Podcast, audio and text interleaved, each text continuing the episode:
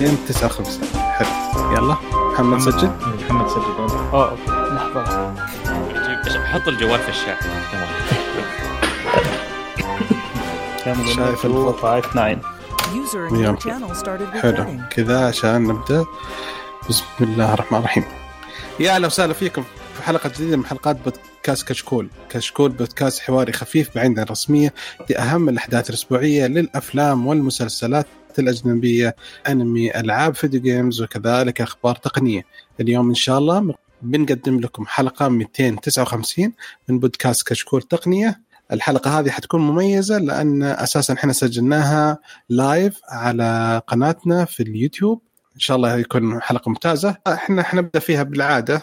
فحنبدا في فقرة الأخبار حن فقرة التسريبات وبعدين إن شاء الله حنتكلم في فقرة تطبيق وحنتكلم عن تطبيق آه، شو اسمه يوسف التطبيق.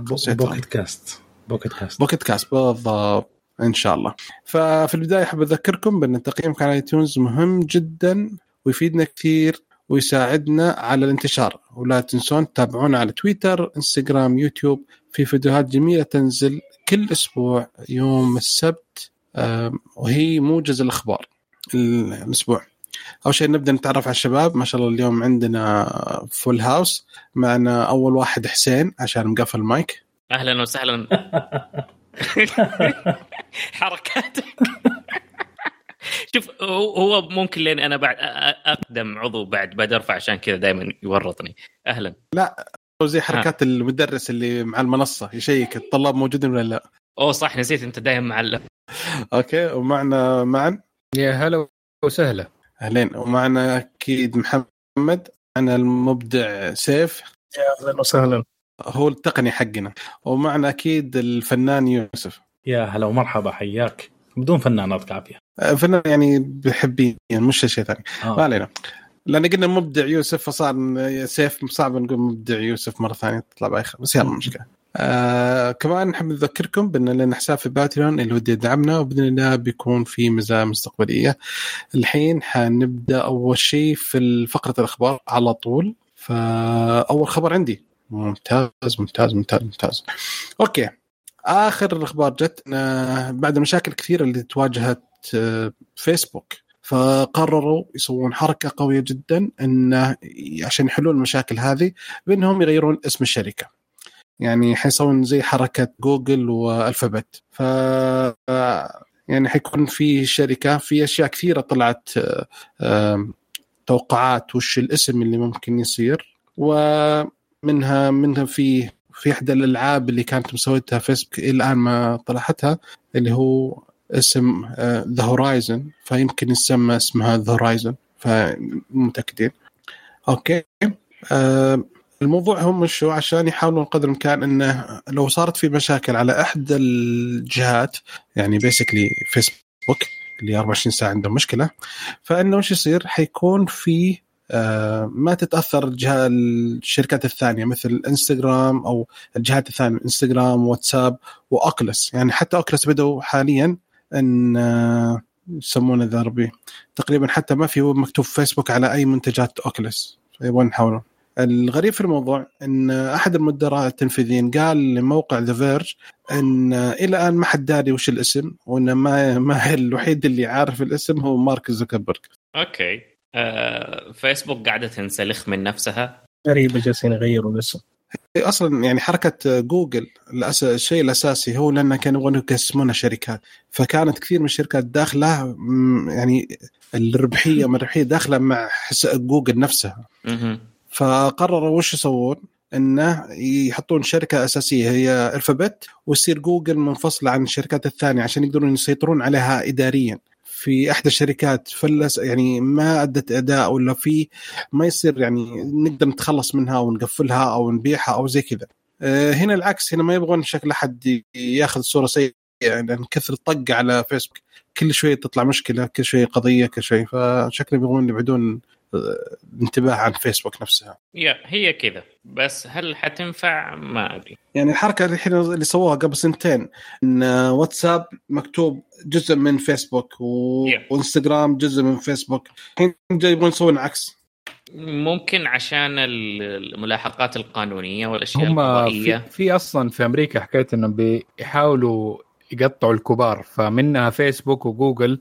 إنها تنفصل الشركات عن بعض وتصير. لها إدارات مختلفة وما تكون تحت إدارة مظلة واحدة. فهذه يحسبوها إنها تركه ممكن تنقذهم إنه الناس ما حتعرف. أوه سووا زي الفابت الفابت بدأتها بس برضو حتى مع إنه الفابت برضو بيقطعوها. فمارك زكربرج ممكن يحاول بس برضو ما ما حتعدي أظن ذا الشيء. على قولة معا ما حتعدي. في واحد آه، في التعليقات قاعد يقول إنه زي نظام سامسونج وسوني قطاعات متفرقة. لا هذا مو قطاعات متفرقة. هذول يبغون كذا يسلخون أو يبعدون كل شيء عن اسم فيسبوك ويغيرون اسم فيسبوك. آه، عرفت لما تجيب العيد تروح تغير اسم العائلة؟ لا لا لا. ما- آه، حسين هي صارت قبل كده في التاريخ. كان في شركة أمريكية اللي هي Standard Oil أظن ولا إيش كان اسمها؟ كانت النفطيه إيه. أيوه كانت الشركة النفطية ال- هذا غير يا معن. هذه لا، كان هي- شركة واحدة عشان- سوى احتكار فقصصوها التقصيص. هي س- هي هي, مختلف. هي الفكرة كلها منه حكاية إنه لما يكون ال- الشركة too powerful وجدا قوية ويصير التحكم حقها ضار بالمجتمع و- ويقتل التنافسية. لأنه لا تنسى إنه انستغرام. آه واتساب والأشياء دي كانت مسوية products تنافس فيسبوك في الشيء اللي هم يسووه بس الحل حقهم بدل من إنهم innovate وهذه هي الفكرة من ال capitalism الرأسمالية إنه حكايه أنت تتنافس مع ال مع ال- شو اسمه آه المنافسين حقونك لا هنا لا سووا حل ثاني ما دام إنه هم أفقر منك أشتريهم هذا الحل حق طيب. فيسبوك وبقيه الشركات الكبيره آه جوجل سووا هذا نفس هذا الحركة. شيء بس بس لا لا لا مع لا، الكلام اللي. قلته جزء من الأسباب اللي هم حيجزئوا فيسبوك أو حيغيروا الاسم على أساسه جزء منه يعني هذا هذا جزء من المشكلة الأساسية شوف. اللي هم شايفينها لا هم تدرون إيش الفكرة الأساسية هم عشان ما هم يتلطخ يبغون- اسم فيسبوك أي، لأنه صار إذا- لا. اسم إذا. آه. كان صار في مشكلة باسم مع فيسبوك مشاكل قضايا مع فيسبوك فما الناس تربط الواتساب وإنستغرام مع الفيسبوك فهمت؟ الحين في. مشكلة مع إنستغرام عشان سالفة ال- الواحده اللي تكلمت اللي طلع هربت المعلومات من فيسبوك قالت مشكلة الانستغرام انه آه وش اسمه ال body shaming أو آه أيوه نظرة الغلط بالنسبة للفتيات المراهقات إنه بسرعة آه، يعني ما في مراقبة لأنه أي واحد يقدر يتكلم أي شيء فعلى طول يلف على قطاع ثاني أو يعني نصايح ثانية مثل آه، الرجيم القاسي مثل شيء زي كذا. فهمت؟ يعني الوحدة جسمها سليم يقول لا أنت سمينة أنت لا لا لا. فشوي شوي يعطونها اقتراحات جديدة. فهذه مشكلة الناس كلها حتربط انستغرام حتربط فيسبوك حتربط واتساب فهم يبغون يفككون يعني يعني بالاسم فقط إنه يخلون الشركة وكل واحدة تقريبا منفصلة عشان هذا. ولكن كاداريا لا هم بالعكس هم أصلا يقول ما نقدر نفكك واتساب لأن واتساب داخل في انستغرام وانستغرام داخل في فيسبوك فالرقد يعني كتقنيا صعب نفككها بس هم يبغون. كاعلاميا يفككونها آه، اعلاميا آه، أو آه، إيش الثانية الكلمة الثانية قانونيا على أساس برضو لما يكون في مطاردات قانونية يكون فيسبوك ال- الأساسية سليمة بعيدة عن أي شيء. طيب. عندنا عبد, عبد الرحمن آه Microphone activated. عبد الله عفوا عبد, الله الشريف آه يقول نظام الشركات آه نظام الشراء كل الشركات الكبيرة تسويه أبل تسويه آه سوتها بشكل ما أدري الخط عندي مرة صغير بشكل يقول أبل. سوتها بشكل أقبح أشتريك أو أخرب عليك أنا أبغى بدر بس يقولها آه. يا يا مجرم عاد المشكلة البث مباشر يعني ما في أمل أقطع آه. أيوه وبعدين والله- باقي الشركات صارت تسوي زيها. أنا ما أتوقع إن أبل هي اللي بدت أبل أصلا كل حركاتها تشتري تسكي تسكري. يعني ما ما يدرون عن زي كذا. شوف هو تشتري تمشي هو, مو زي ما امازون يعلنون. زي الناس أبل. كلهم يعلنون وكل أي كل كل الشركات تسوي ذي الحركة ترى. حتى الشركات الناشئة أحيانا يوم يجيها استثمار كبير تكون من خططها إنها تشتري شركة ثانية على أساس إنها تستحوذ وتبدأ تكبر. فهو هو زي ما تقول صار ممارسة موجودة في السوق وطريقة من طرق النجاة والاستمرارية. ما تقدر تجرمه أو تمنعه. ولكن نرجع لموضوعنا التقني. المهم أعتقد إن أخذ الخبر كويس. فيوسف عندك الخبر الثاني حبيبنا؟ أنا عندي هواوي. هواوي آه، راح تطلق جوالها ال P 50 آه، نهاية السنة هذه. وعالميا ممكن يطلقونه في السنة الجاية إن شاء الله ممكن بدايتها آه، طبعا هو الاكيد إنه ما هم هم في- أعلنوا هو ال P 50 أعلنوا عنه السنة اي آه، قبل كم شهر. اي بس طبعا هو الإطلاق اي الإطلاق. اطلق في الصين اي إيه. وعالميا إن شاء الله مع بداية ال- السنة الجاية. فالجوال أتوقع ما راح يكون فيه خدمات هواوي آه، خدمات جوجل عفوا. فما أدري بالنسبة للي عنده هنا في السعودية اللي كثير نعتمد على خدمات جوجل هل ممكن أحد يشتريه بنفس السعر اللي هو كان يبيعونه قبل؟ يعني بسعر فوق 3000 4000 هل ممكن أحد يشتريه؟ آه، بهالسعر ويستغني عن خدمات جوجل بالطريقة النظامية أو لا؟ فما أدري إيش رأيكم أو ودنا بعد نشوف رأي المستمعين. أنا أشوف إنه حرام الواحد يدفع فيه مبلغ وقدره في النهاية في خدمات كثيرة. ما حي... ما حيلاقيها. صراحة الاستخدام حيصير متعب. جدا. أنا أنا جربت على فكرة. أنا شريت ال 130 آه، عشان ودي أجرب آه، الجوال بدون خدمات جوجل. عجزت صراحة. فاضطريت أركبها بطريقة غير نظامية. آه، ركبت كل ال- التطبيقات جوجل عن طريق لفة معينة. آه، بس مهما كان الموضوع متعب متعب. يعني قلق. يعني أنت حاط حسابك جوجل ويدك أو على أعصابك. آه، حسابك مر- مركبة بطريقة غير نظامية وما تدري. يمكن في أي لحظة تجي جوجل تقفل حسابك ويضيع شغلك. لكن أنت سويتها بطريقة كأنك عندك جوال هواوي آه، اللي فيه خدمات جوجل تدخل عليه. ف يعني إذا كان بالنسبة لي يعني أتكلم عن نفسي إذا كان السعر آه، مناسب جدا على مواصفاته أنا ممكن آخذه عادي كجوال ثاني أو شيء. بس بنفس السعر اللي ينافس آه. الآيفون وينافس الجوجل بيكسل وهذه لا والله ما آخذه. أتفق معاك 100% في- مستمع عندنا اسمه ناسي يقول مستحيل بدون جوجل حيكون مرة صعب جدا. أو مرة متعب.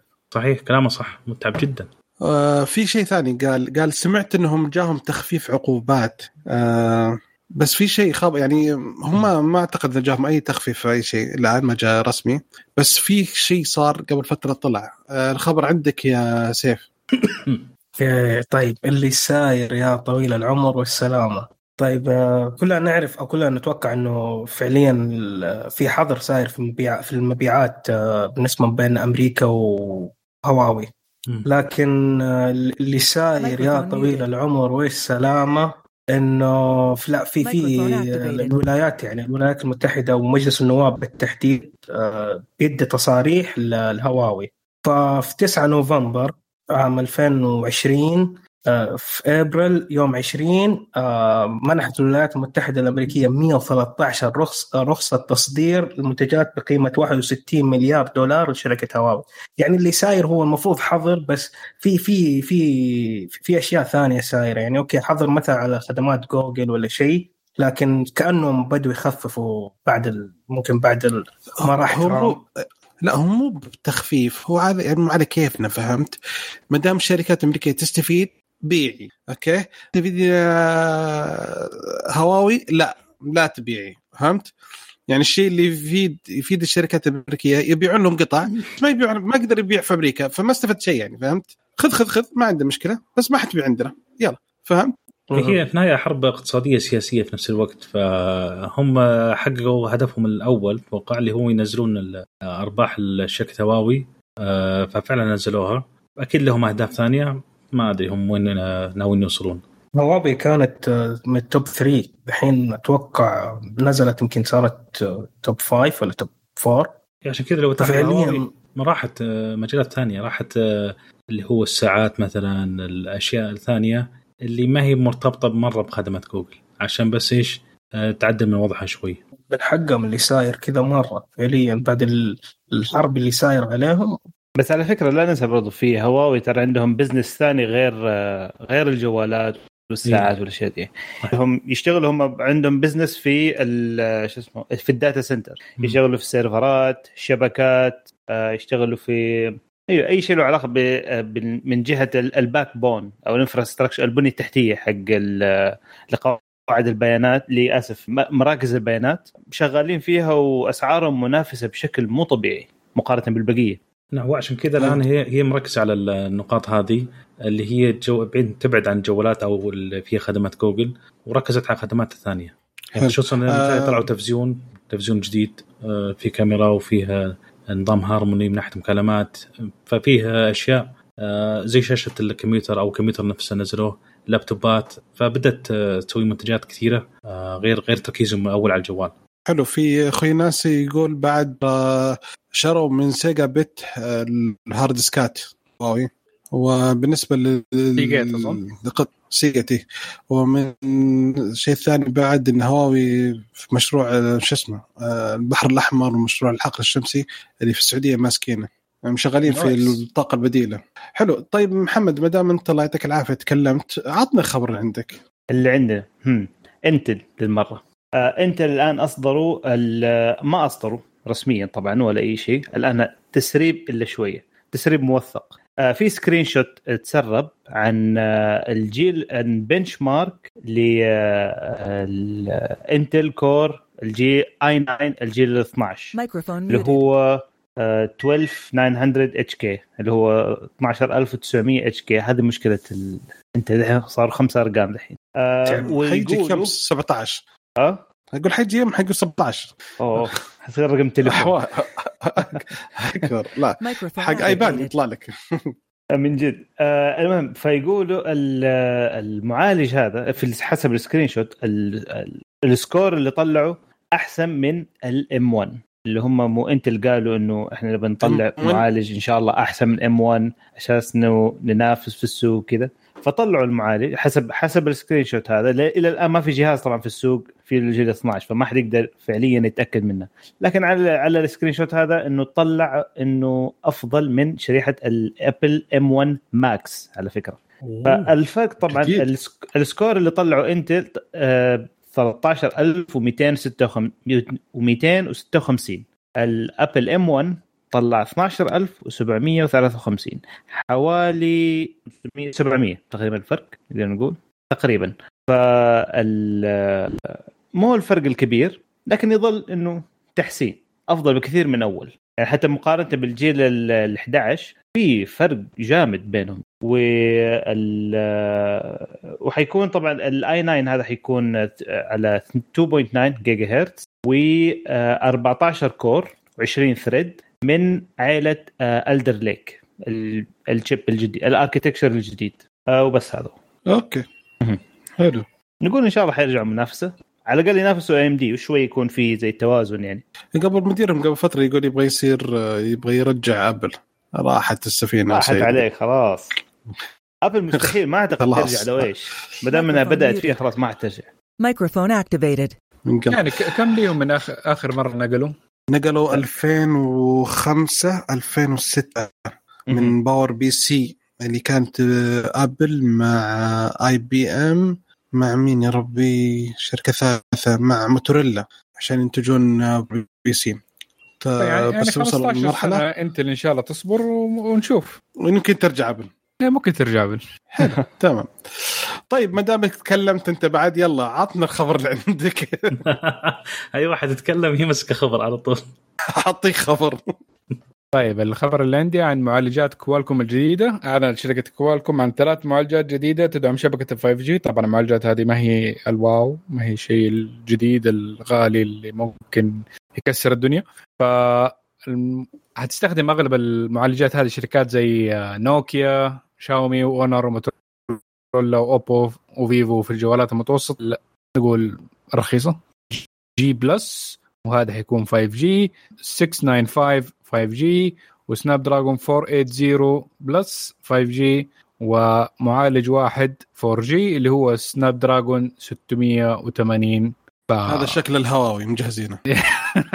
واكيد حيكون بدون 5 G كمان. لو استمر حيكون الوضع. يا حيكون أكيد في منه نسخة للأونر فكل كل كل الناس الطيبين دول. اونر دحين المفروض هي اللي تمسك السوق.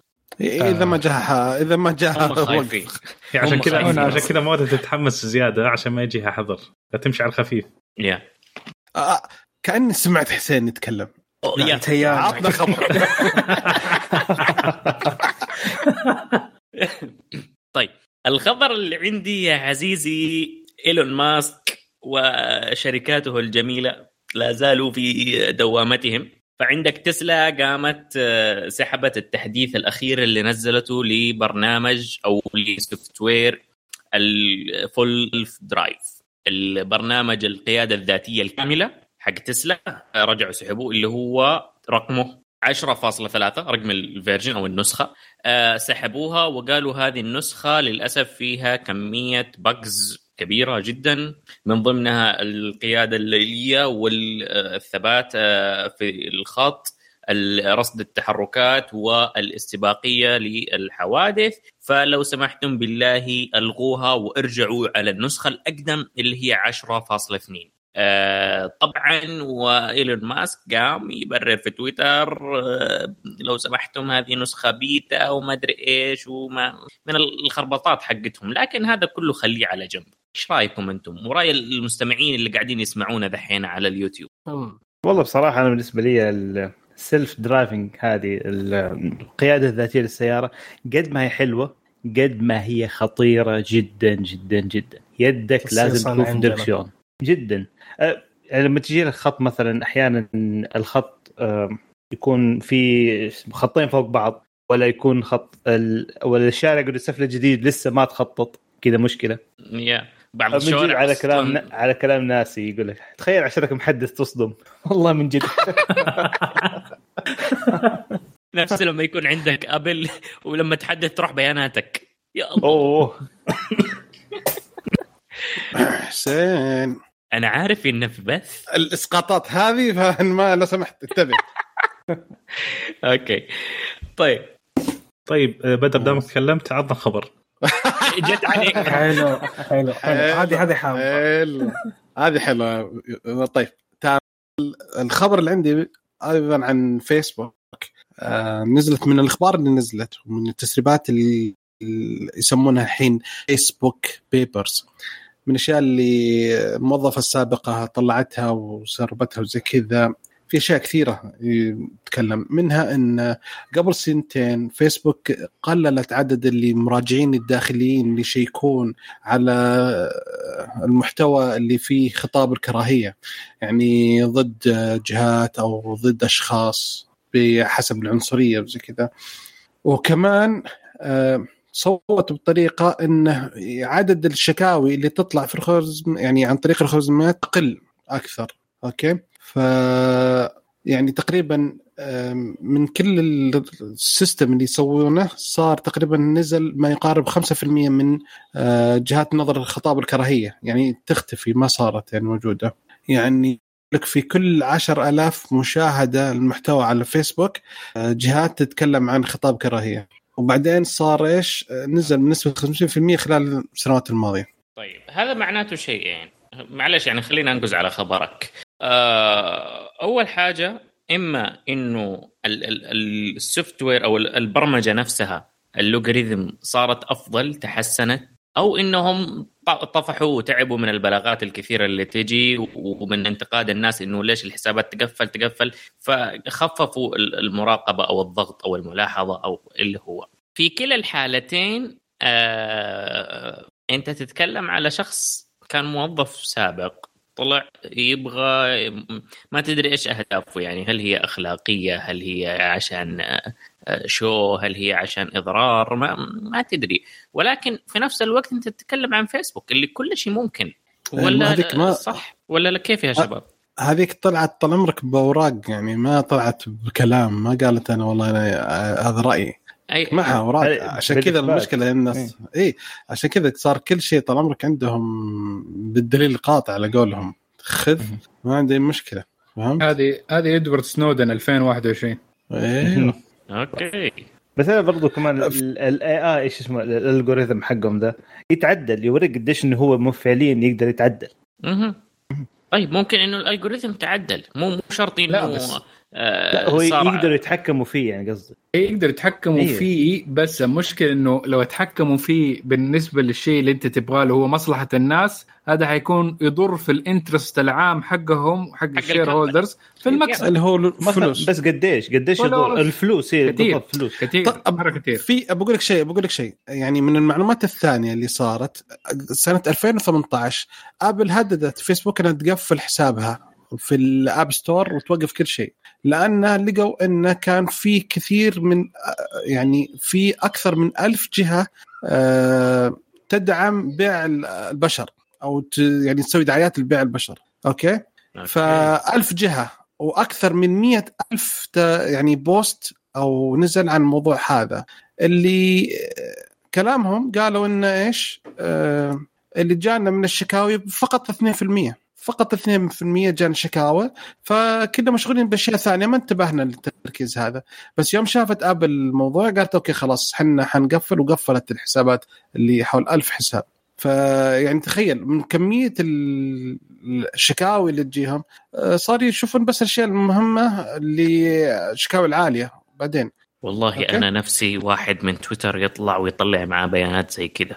أبغى أعرف مين ال... ال... ال... ما أبغى اتلفظ بالفاظ غير آه، مناسبة ولكن مين ال X اللي قاعد يقفل حساباتنا أنا. وأنت صاحبي أنا وأنت. أنا مش شاطرين عليك. أيوه.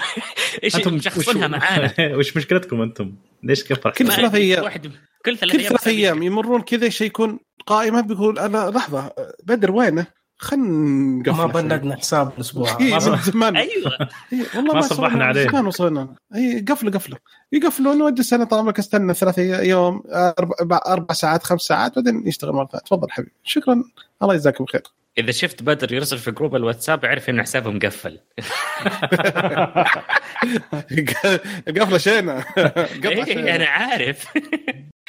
طيب آه، في بس خبرين سريعات ما دام إحنا تكلمنا عن فيسبوك فنبغى نحطها مرة واحدة. آه، فيسبوك عندهم في بعض من الأخبار بعد من 2019 إن نسبة المراهقين اللي يستخدمون فيسبوك نزلت 13% من عام 2019 ويتوقعون خلال العامين الجاية ان تنزل إلى 45% فهم جالسين يحاولون قدر الإمكان يعدلون الموضوع هذا عشان لأن الجيل اللي إذا الشباب ما دخلوا على فيسبوك ونسوه فترة حي خلاص حي يقل عدد هذا المستخدمين فما يبغونه.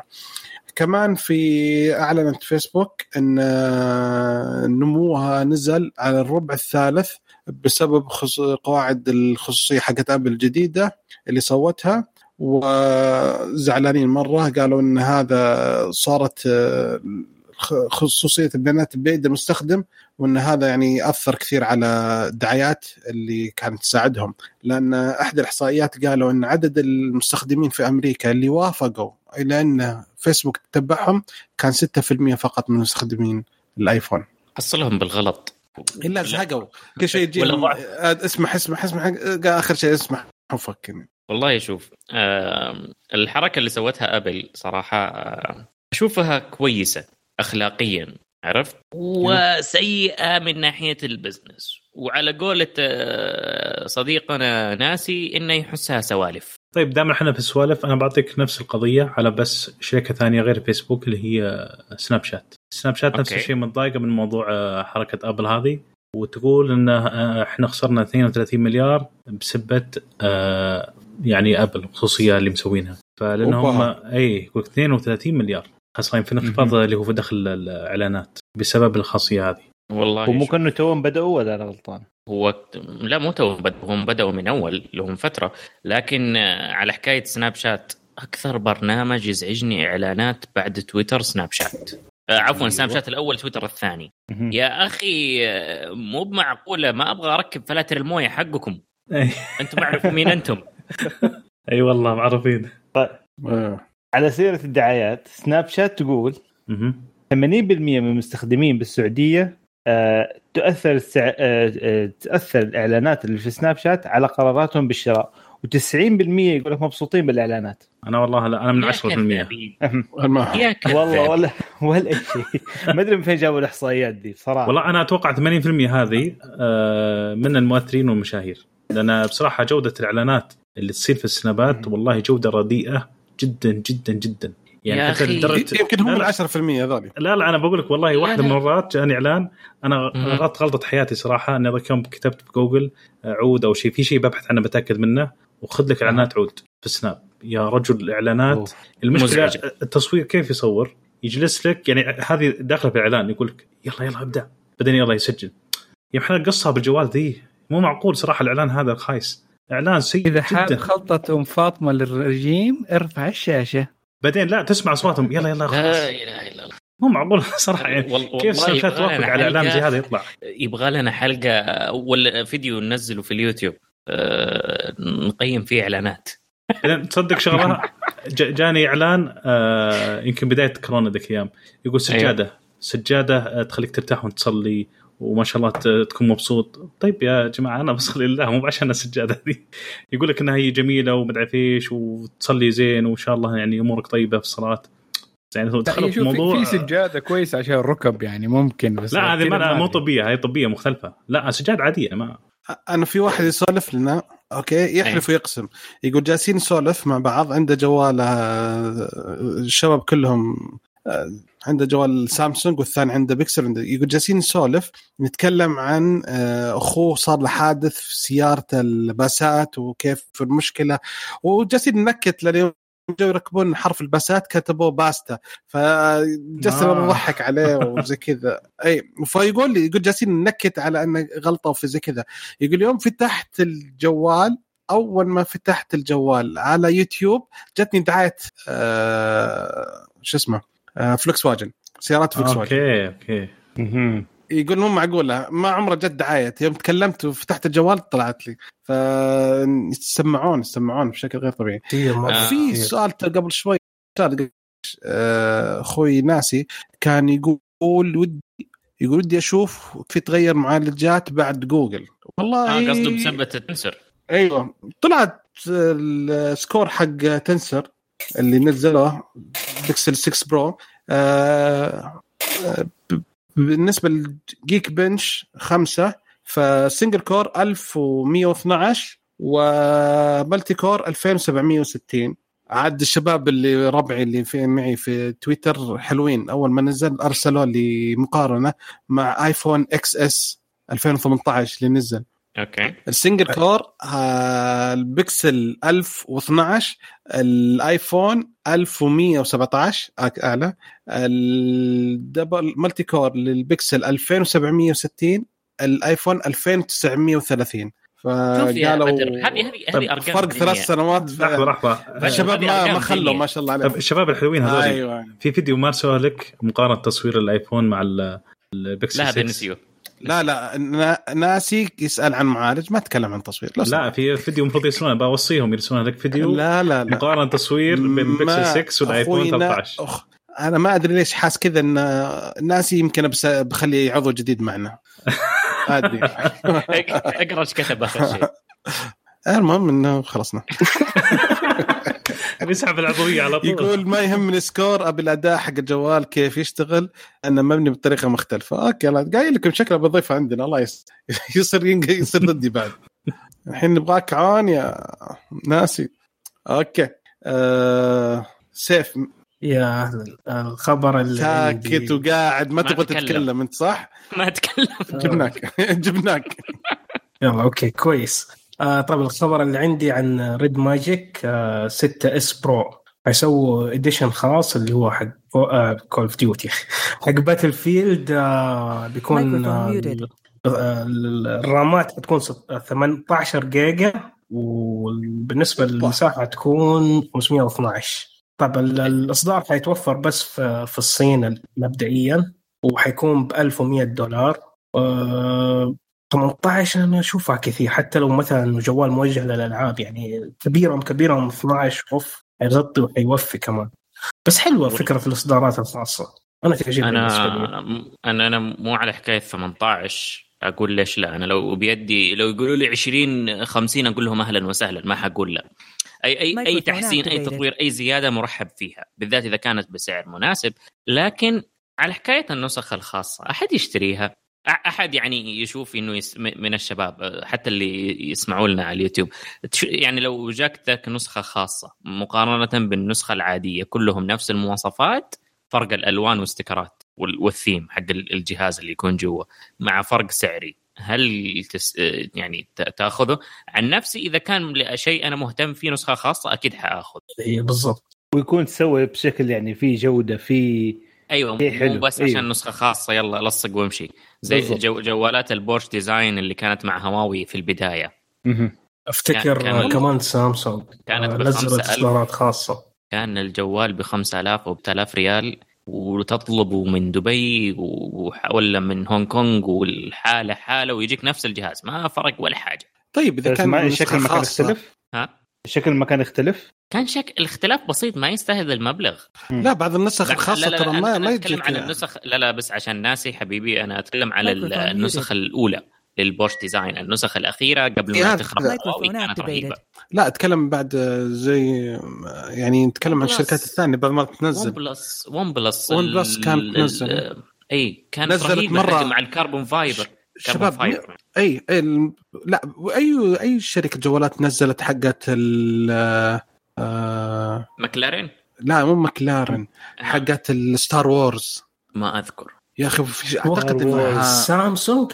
سامسونج صح؟ إيوه أعتقد سامسونج. سامسونج. نزلت حق DC. هي نزلت. إيوه أشياء كثير. مارفل كمان. اي اي DC صراحة. حلو صح. أفتكر في آه، ناس يقول باتمان صراحة يمكن زي نسخ. مارفل يوم يوم سامسونج. أي ناس يقول في نسخ مارفل من سامسونج كان في حركة إذا فتحت الجوال تسمع صوت ال lightsaber في ال Star Wars nice OnePlus 8 في نسخة في في نسخة شازلي. Cyberpunk آه Cyberpunk نسخة Cyberpunk كانت حلوة صح. في جوال نزل نسخة Evangelion أعوذ بالله كانت مر... Microphone إيه،. ايفنجيليان برضه سامسونج أعتقد ولا؟ ما عجبك؟ لا لا لا لا. ما عجبني ال- الجهاز آه أوكي. كان ال- اللهم صل على محمد كان الإصدار ل اليونت نمبر 1 نعرف يا. كانت البربل البلمسجي أيوه أيوه البنفسجي. وفي شازلي آه، شا شيها شيحة يقول سامسونج نزلت نسخة من. هذه نايس صراحة. يا يا كانت مرة رهيبة. كانت حلوة. افتكر أيوة. أحمد بوعريكي سوى لها review مم. فعليا كانت مرة حلوة. حلو حلو. طيب okay حلو. آه يوسف عندك خبر عن سامسونج صح؟ عندنا خبر عن سامسونج. اي عطنا. سامسونج ممكن تنحظر في آه، في روسيا إنها ما تبيع ولا جوال. آه، القصة إن في شركة آه، رافعة قضية على Samsung Pay انها هي ماخذة براءة اختراع أو تستخدم براءة اختراع هذه اللي مسجلتها الشركة اللي اسمها سويس SQWIN أتوقع اسمها. هذه مسجلة براءة اختراع تمام؟ وتقول إن Samsung Pay قاعد تستخدم براءة اختراع هذه. فالقضية إلى الآن مرفوعة بس في حال آه، طبعا الجوالات ممنوع تنباع في حال يا okay المحكمة قررت هالشيء إن أي جوال من 2017 إلى الحين راح يمنع بيعه نهائيا. في حال أقروا هالشيء المحكمة. طبعا لا زال الموضوع يعني آه، توهم إلى الآن في القضايا بس أنا سؤالي الآن آه، وش براءة اختراع هذه اللي سامسونج يعني Samsung Pay وش ميزاتها أو ميزاتها اللي آه، ما هي موجودة في أي آه، أي تطبيق دفع ثاني Google Pay ولا Apple Pay ولا غيره. هل في شيء معين يتميز فيه عن غيرهم؟ غير موضوع مو الدفع ضروري آه، في الطريقة ممكن في الكود نفسه حق البرنامج. حقت ال Samsung Pay ناسخين أشياء كثير ممكن برنامج ثاني. في ذيك الساعة ممكن يقولوا براءة اختراع. مو ضروري في شيء مميز لازم يكون فيها. إذا كان كذا هذه مشكلة دي والله. شركة كبيرة زي سامسونج يعني آه، بالمواضيع هذه المفروض من بديهيات يعني. فعموما بديهيات بس بس الكود مرات يعني الناس تنسخ يعني فاهم آه أي. كيف أقول لك؟ حصلت قبل كده المشكلة دي في شركة إنه مثلا موظفين نقلوا من شركة لشركة okay؟ مم.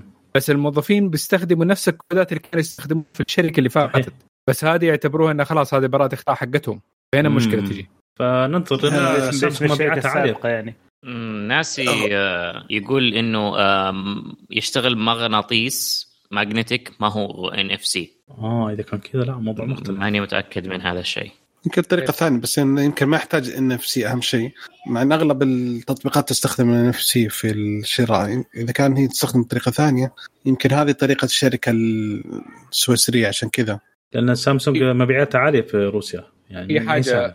هي إيه، طرق ال communication حتكون wireless يا بال infrared يا بالبلوتوث يا NFC عشان يتبادل الكود بين جهاز وجهاز ثاني جنبه. فبالمغناطيس لازم يكون إنه في يعني تردد أو شيء زي كذا مشبوك فيه فيعتبر انتنا ويعتبر waves يا بلوتوث يا هذا ف حيكون في ط- آه، طريقة تقنية اتصال معينة. حيستخدمها ما حيكون في آه، شيء آه، ما راح يست... ما راح يكون في شيء مخصص بس لل... للدفع بديل للبطايق أو شيء زي كذا. آه، هذا الشيء على فكرة NF يمكن قصده يعني قصده المغناطيس يمكن الشريط المغناطيسي. زي شو اسمه؟ زي يعني- البطايق هي بطاقات هي والله. لا بس بس ديك بطايق فيها إنه ال- الكود مبرمج magnetically على على ال- على نفس البطاقة الشيء نفسها بس ما يتغير. يمكن يمكن البي كذا يستخدم هذا. اي بس ال NFC يعتبر شوية آه رايح وجاي. ويمديك أيوة. تغير الكود on the fly على الجوال حقك. صحيح. فهذه ميزة ال NFC أعتبره زي المغناطيس ويقدر يتغير التردد حقه كل شوية. okay. وبالعكس. ال NFC حيكون أحسن في الشيء ده لأنه زي ما أنت شايف آه، بتدعم أكثر من شيء كل آه، أكثر من شركة ممكن يستخدموا نفس آه، طريقة الاتصال عشان تدفع. مثلا عند عشان كذا عندك آه، مثلا Google Pay Samsung Pay Apple Pay Garmin حتى عندهم علي علي أعتقد برضو لا AliExpress Alipay صح حتى عندهم. بيستخدموا عادي، نفس التقنيه أي شيء كله تقدر تلصق فيه Pay وتحطه NFC عادي. اي. بزر Pay ما, ما عندك مشكلة. إي، دحين نسوي واحد جديد كشكول يجي. Pay بعدين قريبا. كشكول Pay يجي. يصير كشكول Pay. okay حلو. آه الخبر اللي شوف مين حاط. الأخبار هذه. الخبر يقول آه. نزلت أول اختبارات آه لبطارية البكسل ووجدوها أقل من المنافسين. آه بيكسل 6 8 ساعات بيكسل 6 برو 7 ساعات و53 دقيقة. وهذا أقل من المنافسين يعني تخيل حتى الآيفون 13 ميني أكثر 8 ساعات و41 دقيقة. فأحد المحللين قال إن المشكلة هو الاستهلاك العالي من استخدام المودم لأن المودم الموجود في الشري... في الجوال قديم يستخدم في سلسلة الـ S 20 ما استخدموا المودم كوالكوم الجديد لأن المعالج أصلا من سامسونج فأخذوا المودم مع مرة واحدة. فهذا السبب. فأعتقد إن هذه ترى في ميزة اسمها السوبر سي... آه، شو اسمه؟ سوبر با... battery save صح؟ تعطيك 24 ساعة. فما أعتقد إن هذه مشغلين الميزة هذه يمكن. هو أكيد. كاستخدام عادي صح؟ أكيد أكيد. فما أدري هل طيب،. هذا بيحل مع السوفت وير ما هو وقت تحديث أو ال- شيء؟ ممكن. وبعدين ترى ما هو وقت الحكم على ال- الجهاز لسه. لأنه باقي ما قد آه، كيف أقول لك؟ هو ينزل جهاز نزل من تاريخ 25 يا. رجال الجهاز من قبل التاريخ والناس تستخدمه. قاعد ينباع أنا أنا اللي خلاص أتكلم- يعني يعني خلصنا عارفين. لا لا لا. كيف أقول لك؟ نفس الشيء ترى حتى على الايفون الدفعة الأولى بشكل عام هذه آه، فيها اختبارات فيها feedback وترجع تعدل عليه. لكن خلينا نعتبر هذه حتى الآن هي الواقع ونشوف الجاي هل يتحسن ولا لا. آه عندنا ناسي ما شاء الله عليه. جاب لنا الاسم. آه سامسونج pay MST technology آه رد عليك يا معن. تستلم. إيش هو؟ آه الـ MST technology Microphone muted. أيوه. أيوه. أوكي لوك انتو أوكي. طيب activated. آه لأنه هذا حق بث مباشر فمعلش حيكون الوضع غريب شوية. لكن آه برضو ناسي يقول الجوالات الجديدة غريبة لازم تقعد معك شهر لين يتعرف على استخدامك. والله شوف بعد الشهر مو هو يتعرف على استخدامه وأنت تكون آه، خلاص مليت من الجوال وتقعد بس تصور و- وواتساب وتويتر وخلاص. قال لك أنت. تعودت عليه. أيوه. مو هو اللي تعود عليك. يعني إحنا تعودنا على الآلة مو بالآلة تتعود علينا. من جد للأسف وصلنا للدرجة دي. المفروض الآلة تشتغل لنا. أنا دافع فيه 3000 عشان أنا أشتغل له. 3000 إيش يا رجل؟ يع- يعني أنا جوالي تعرف وش الرعب يا كلمة الرعب؟ آه. إن طال عمرك وأنت قاعد تفز من النوم تتذكر جوالك ما شحنته. تفز من النوم. تروح تشحن الجوال هذا الخدمة. Microphone muted. Microphone activated. معا. الخبر كمان. أوكي. أوكي. أوكي. إيش. الخبر؟ ضيعت okay. آه قام متصفح بريف بإزالة جوجل. و Qwant و DuckDuckGo كمحركات بحث افتراضية في أسواق مختلفة. وهيستخدم نسخ مثب... مثبتة جديدة في المتصفح. آه هو بحث بريف نفسه الخاص كاعداد افتراضي لها. البحث مبني على فهرس مستقل هم حاطينه. وما يتبع عمليات بحث المستخدم أو نقراته زي بقية المتصفحات الثانية. آه، تصدر آه، نسخة برضو خاصة منها مدعومة بإعلانات مع الخدمة. يعني. ممكن إعلانات غير موجهة حتكون. آه بس الغريب إنه DuckDuckGo موجود في الـ list يعني أنا كنت متوقع إن DuckDuckGo كان secure بالضبط. اي المفروض هو لا مو هو شغله. secure هو privacy يدعم آه، حقوق الخصوصية حقوق الخصوصية إنه ما يصير يتبع إيش تبحث أنت أو يسجل عنده إيش بتبحث و و والى آخره. ما همه مين أنت اللي بتبحث. أنت بس أبحث شيء. وأنا اطلع أيوه. النتيجة. أيوة. ممكن وبيع يستخدم- بياناتك مجهولة. إيه، م- بالضبط. بياناتك مجهولة ما يعرف من أنت. يعرف مثلا أنت من فين جاي من أي بلد. هذا أقصى شيء يقدر يشوفه. يعني أي بلد حتى ممكن يشوف لا آسف ممكن يشوف المتصفح حتى يقدر يبان معه. الـ analytics هذه حق الـ parameters مثلا حق الجهاز بس ما ما أعتقد يوصل الـ identification حقه. مثلا للـ fingerprint حق الجهاز مثلا. مم، okay. okay. طبعا يعتبر احتكار الشيء اللي هم جالسين يسووه. هو احتكار هم أصلا بريف شغلهم إنهم بيحتكرون بيخلوا بيسووا لهم بيئة كذا معزولة. هذا اللي فهمته من ال- من الموديل حقهم إنه يبغوا يسووا بيئة معزولة. آه، ما نبغى دعايات جوجل ما نبغى دعايات أي أحد ثاني نحط دعاياتنا إحنا. زي كذا. وهذا الشيء يريحك صراحة لما تسوي بحث في في المتصفح ما تشيل هم. تسوي بحث وأنت مرتاح. بشكل إيه بس لا هم. يشيلوا الدعايات بس يحطوا دعاياتهم هم اي لا لا أنا قصدي لما أبحث ما راح أشيل هم إنه راح تتبعني وأدعي فيش والإعلانات راح تلحقني في كل مكان أبحث أيوه صح, صح. إيه.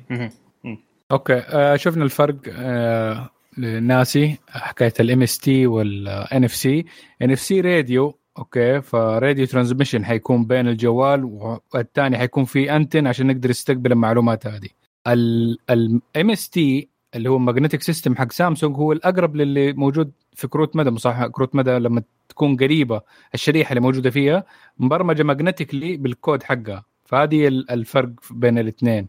وغير كذا هذا اللي قاله. يا يا فدحين فهمتها أوكي. ثانك يو توضيح. يلا قايل لكم شكله خلاص نضيفه. ناسي قدم بس عندنا قدم. تعال سجل معه. أوكي. أه محمد عطنا خبر من زمان ما سمعنا عن مايكروسوفت أي شيء. وانت. ممثل المتحدث الرسمي لهم. كل خبر لازم نتكلم عنه. والله يا أخي الشر دحين بدات تشتغل كويس. بصراحة اللي قبل يومين لسه جالس طالع في ديو 2 متحمس له. بس يا أخي سعره سعره. آه المهم آه الآن اللي يبغى مايكروسوفت. ما يقول أحا. لا ترى اسمع خلينا بعد آه. الخبر. ودي أتكلم بس كذا ثلاث دقائق عن آه، ديو آه، اثنين لو سمحتوا يعني إذا okay. سمحتوا لي.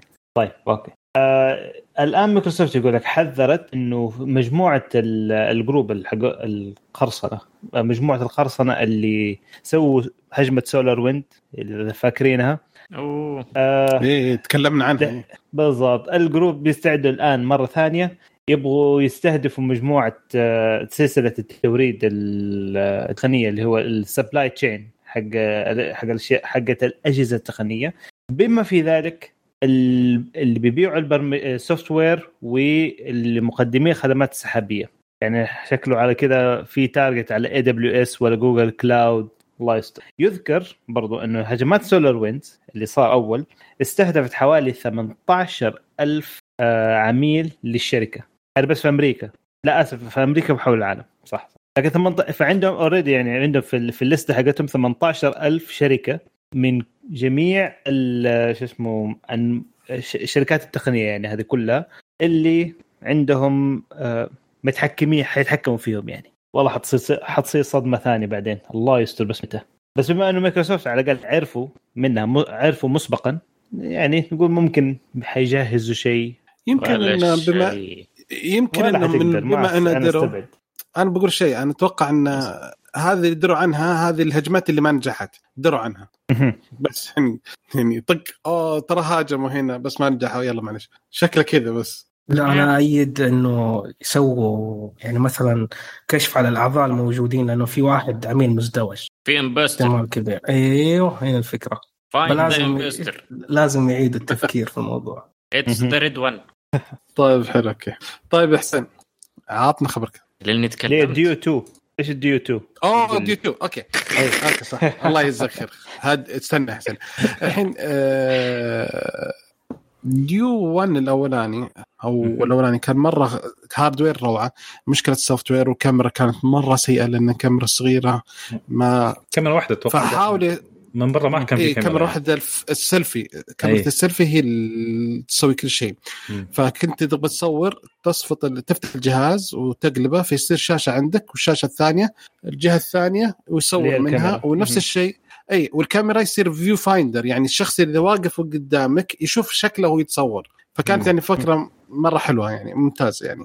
بس المشكلة الكاميرا التصوير سيئة وثاني شيء انه لما يتقفل الجهاز فما في معلومات وال software ثلاث أشياء هذه هي. فجو آه، مايكروسوفت حلوا المشكلة حطوا كاميرا احترافية أو كويسة ورا وهذه صار خلاها في بروز. فالبروز الحين لما لما تقفل الجهاز ما يتقفل سوى حركة حلوة خلوه مايلة. يعني نفس البروز هذا مايل لأنه لما يتصفط الجهاز شوي اي اي لما يتصفط الجهاز يلزق صح يعني نفس الميل حق ال. آه ال- البروز ال- البروز يصير ولا مغناطيس يتقفل فحلو ولكن ما أنت. ماسكه ترى في فتحة تحت مزعج يعني في. المسكة هذا واحد. اثنين إذا جيت تصور لازم تفتح الجهاز بالطول كامل لأنه صار خ... يعني ما تقدر فهمت يا إنك تصفطه يصير آه، الشاشة تحت أو معلش بس معا إذا في عندك صورة تقدر تضيفها على أساس ال- اللي يشوفونه في اليوتيوب توضح لهم الصورة اللي بيتكلم عليه. بدر إذا في حوسة لا تحوس خليه أي. أي.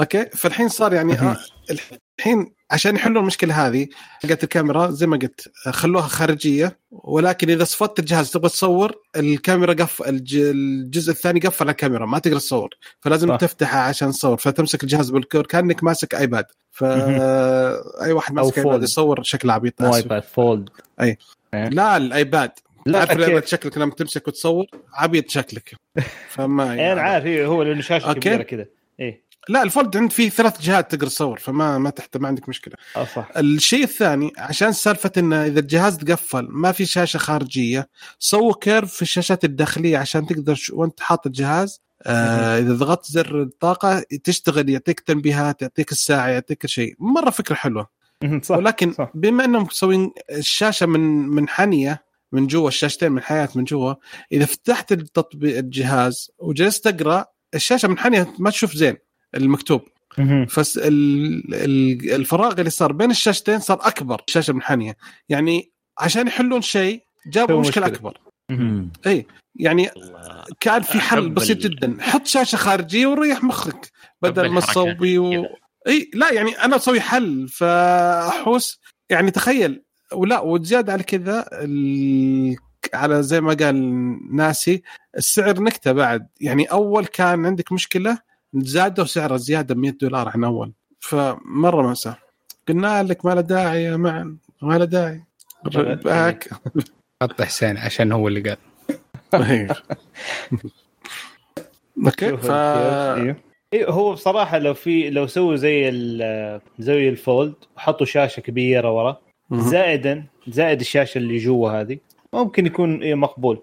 ويشيلوا okay خ- ز- لا أنت عندك زيد سماكه تكلفة. الجهاز. لا زيد. سماكه الجهاز هو سميك أوريدي. إيش تبغى تسوي فيه؟ هو سميك لا مو بسميك والله نحيف كم نحيف كم ك... سماكة؟ مرة نحيف نحيف مرة ها شوف أقول لك نحيف مرة نحيف لو خلوه سم... سميك. يعني زادوا السماكه. شوية يعني كان ي... شوية. إيه كان يقدر يستوعب ال- الكاميرا في الجهة اليمين والجهة اليسار يستوعب شاشة خارجية كان حلت المشكلة الظاهر بروز. الظاهر بروز الكاميرا نفسها الظاهر أعرض من الجهاز نفسه أها إيه إيه. صح ولا لا؟ الناس يقول صح. أيوه حطوها. زي الجبنة كده زي مثلث الجبنة. شوف شوف كيف؟ شفت كيف؟ يا إيه. بشكري كيري. شفت ال... شفت كيف؟ لازم تفتح الجهاز عشان تصور. ما تقدر تصفطه زي أول. شوف. شطفوا الدعايه شطفه عشان ما يبغون أحد يدري. بس يلا. والله صراحة أنا كنت أنا مرة كنت متحمس الجهاز صراحة. أنا والله زيك متحمس جدا. بس أنا كنت لأن أبغى السعر يكون أبغى- أقل. هو هذا آه، هو هذا أكثر شيء أنا بصراحة جاني اللي سؤال كان جاء شيء في بالي. كيف تحطوا على المثبت عشان تشوف ال GPS قبل شوية ماسك ال- ال- اللي في الدعاية جايبينه واحدة ماسكته في السيارة. من جد أرجع أرجع أرجع شوف شوف. ما في أصلا ما تنسبته ترجع تسوي زي زي شكل ثمانية تخليه ويتحرك على الطبلون. شش- شش- إيش اللي يتحرك على طالع؟ أول ما طب يكسر لك أبو. القزازة. ورا ورا ورا ورا ورا شوي. معا ورا. آه، هنا هنا هنا أيوه. قدم شوية. لا لا ارجع ورا. الحين الحين لا، الحين لا أيوة. الحين الحين خلاص حصلها. أي وقف. وهذه مخالفة الحين أكلتها. أيوه هذه 500 ريال. لا واقفك في المواقف. تبي؟ أيوه صح, صح. طيب كيف. تثبت ال- ال- الجهاز؟ ما في لا صعب. في جيبك تحطه. طيب كيف أشوف؟ آه تحط شو اسمه آه آه، Android Auto speak ليش تحسب؟ لا أفهم أنا كيف. Android Auto آه، تشبكه في ال system. okay، طيب Auto عندي شغال. اندرويد اوتو ما صعب طيب ما عندي Android Auto سيارتي 2000 وخشبة. يعني خشب في mount أكيد أحد حيسوي له mount لا تخاف أيوه الجوال هذه غالي. أحد حيسوي له mount أ- نبغى ال mount. ال mount ده هو ال mount بالضبط. بالضبط صح. حتثبت. اللي الجهة اليمين ولا حتثبت الجهة اليسار؟ بالضبط. ولا حت... لا لا من النص. واحد يهز طول الطريق طق طق طق طق طق طق طق ماشي. لازم من النص. يمسك ال- الجزئين كده ويصير كأنه فلات أنا أعرف فكر يا حبيبي. لا، ما- ما- ما- بس أصلاً ما- المشكلة ما- طيب اللي تحت ما البروز. اشترى السيارة قبل الجهاز من جد بالضبط مين صح. اللي عنده سيارة 2005 وبيشتري الجهاز ده؟ مين أنت؟ واحد مبسوط بسيارة 2005 لا بعدين؟ تروح تروح معرض سيارة تدور سيارة تناسب جوالك يا سلام. بالضبط. من جد. والله طيب، يمشي أنا معاه. سويتها مسجل طيب. أندرويد ترى والله يعني 500 ريال ترى أنا أنا أنا سويتها أول ترى. لا عاد. والله أيوه لا. والله اشتريت السيارة قبل الجوال. زمان زمان. تدري وش؟ آه سنة 2003 آه يوم رحت أشتري سيارة قالوا ترى في إمكانية تركب عليه جوال نوكيا أو آه سوني آه لا sorry Nokia أو آه فيليبس أو آه Alcatel فقلت لا لا أعطوني يخلي يجي السيارة ب stand حق نوكيا. رحت اشتريت الجوال عشان أركب على ال stand هذا موضوع مختلف أي. أيوه المهم كان لأنه كان يسوي hands-free ما مم. نلقى hands-free بالسوق شيء غير. طبيعي. كان شيء كان سيارة غير الناس. ما عليك. كانت رفاهية أول الحين غصبا عنك. ما على كيفك ما تقدر إي الحين صعب. الناس ماسكين جوالات يعني عشان ماسكين. جوالات وأنا حاط كذا أتكلم ألو. وكل. الشارع يسمعون معي بس مو مشكلة. ألو مرحان في الجوال. okay. يلا احسن عطنا خبرك. شباب مين اللي وزع الأخبار اليوم؟ أخبار Apple عندي وأخبار جوجل عند بدر ما أقول لك أدري من وزعها. طيب المهم الخبر اللي عندي حيعجب أو حينبسطوا عليه اللي عندهم ال Apple Watch. الخبر يقول إنه خدمة Apple Fitness Plus راح تنزل يوم 3 شهر 11 آه، اللي هو الشهر الجاي. خلاص ما أي آه، نوفمبر. ما ما بقى عليه شيء. وراح تتوفر في 15 دوله جديدة منها السعودية والإمارات. بس حركاتهم يعني للأسف بدون لغة عربية. مع إنه لما تخش على موقع Apple تحصله قدامك على اللغة العربية ال- ال- باللغة العربية يعني على الصفحة نفسها. آه، الخدمة هذه إيش تقدم لك؟ الخدمة هذه لما تشترك فيها آه، راح تعطيك آه، خلينا نقول كتالوج تمارين يق- يقدمونه مدربين محترفين Apple certificate training وبرضه حتشتغل لك playlist موسيقى على حسب مزاجك. وحيحسب لك النبضات والسعرات المحروقة وإلخ إلخ إلخ. الح... وبرضه تقدر تربطها على الشاشة. وبالعب... باختصار هو برنامج تمارين يصير معاه موسيقى. أه، فقط لا أكثر ولا أقل. في برامج ثانية تقدم نفس الخدمة بنفس الجودة ممكن حتى بجودة أفضل. بس. بدر الله هل لديك تعليق؟ مم، والله حلو الفكرة. fitness tester... بس انه لو سوون تدري وش يسوون؟ لو يسوون. إنك تقدر تراسل مع يعني تتحدى آه... شخص معارف. معين. إيه. والله هذه في موجودة في آه، حقة آه، جارمن إيه في جارمن بس جارمن هذا واحد. آه، هو- موجودة في Samsung Fitness لكنها معقدة شوية. موجودة بشكل أفضل وأمثل في Garmin. Fit لا لا لا. Fitbit آه، جا- Fitbit حقت Fitbit مم. آه، ممتازة جدا. كان كمان موجودة في البرنامج حق Nike آه، أف... آه، موجودة بس- في أغلب البرامج بس أفضل من طبقها حق Fit الأفضل. بس على. مراجعات الناس اللي أنا قاعد أشوفها. يعني ممكن نشوف يقول في في, في يقول في Apple موجود ده. تقدر أنت. هو اللي يتكلم اي عن ال- لا لا أيوه اللي لا لا. عند اللي في Apple موجوده اللي عنده اشتراك يقدر يشوف اللي معاه. اي بس ما يشوف هذه يشوف تحديات. بالضبط. مو بالتمارين كيف التمارين ثانية وزي كذا. يعني في يقول وش اي أي دعاية؟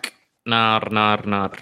وما تقدر تاخذ ما تقدر تاخذها لوحدها. هي package في ال Apple 1 يجي باقة مع Music مع مع Fitbit مع Fitness مع آه، iCloud كل شيء مع بعض. سووا زي طيب، ال STC ها؟ باقة مفتاح Fitness الآن. لا خلاص بطلوها. هذه ما ما عاد يسووا كذا. صار صاروا okay. يجوا في كل مكان.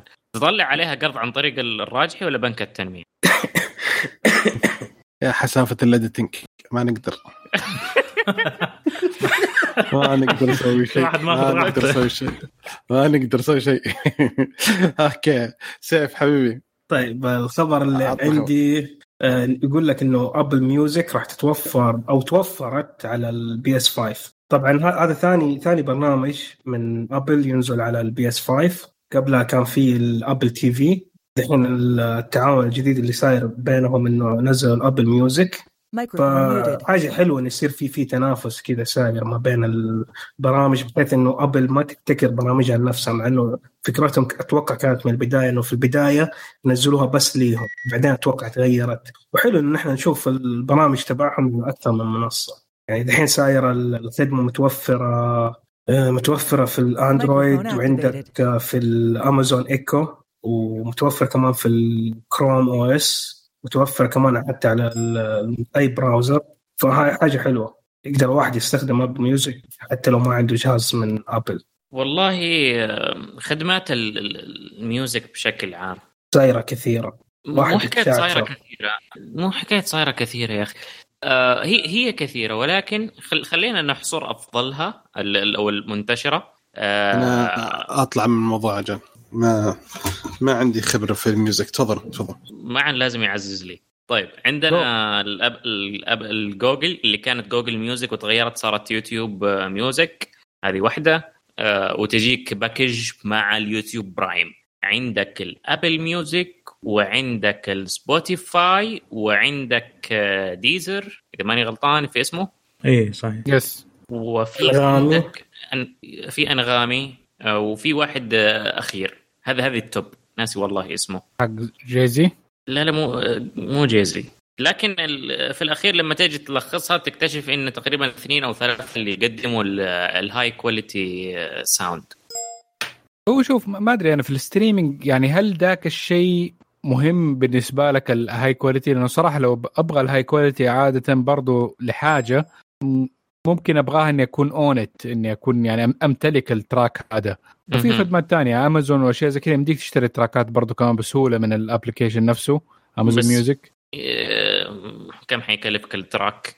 بسعره الطبيعي. زي برضو Apple كلها يعني في النهاية يمديك كم سعره الطبيعي؟ وأمازون برضو البلاي 3 باك دولار حقهم. 4 دولار. آه يا دولار. وشوية دولار, دولار وشوية. طيب دولار على ال track الواحد. أدفعها في ال- الاشتراك أحسن لي. اي بس إذا تبي إذا تمتلك. أبغى أشتري إذا أبغى تخليها عندك. شوف يا offline. إذا أبغى أمتلك وأخليه عندي فأنا حاروح أشتري physical أحسن وأضمن وش تسوي بعدين في و- physical وأجود. فين آه، حتشغله؟ في في كرسيدة هناك في آخرة الحارة أروح أشغل فيها. شغل شغل ال high quality حقك في سماعات كرسيدة. ما شاء الله تبارك الله. فعلت أخيرا.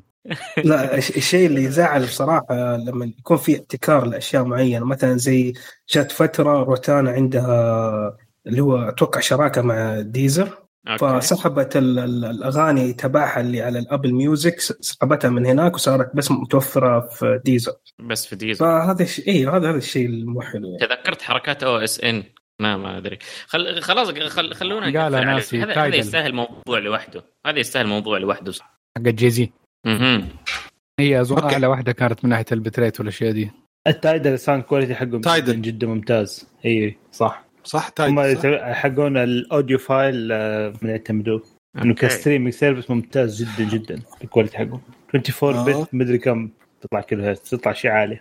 حلو تمام. يعطيكم العافية. باقي آخر خبر. اللي هو عند معن عشان ننتقل للفقرة اللي بعدها عندنا شغل واجد.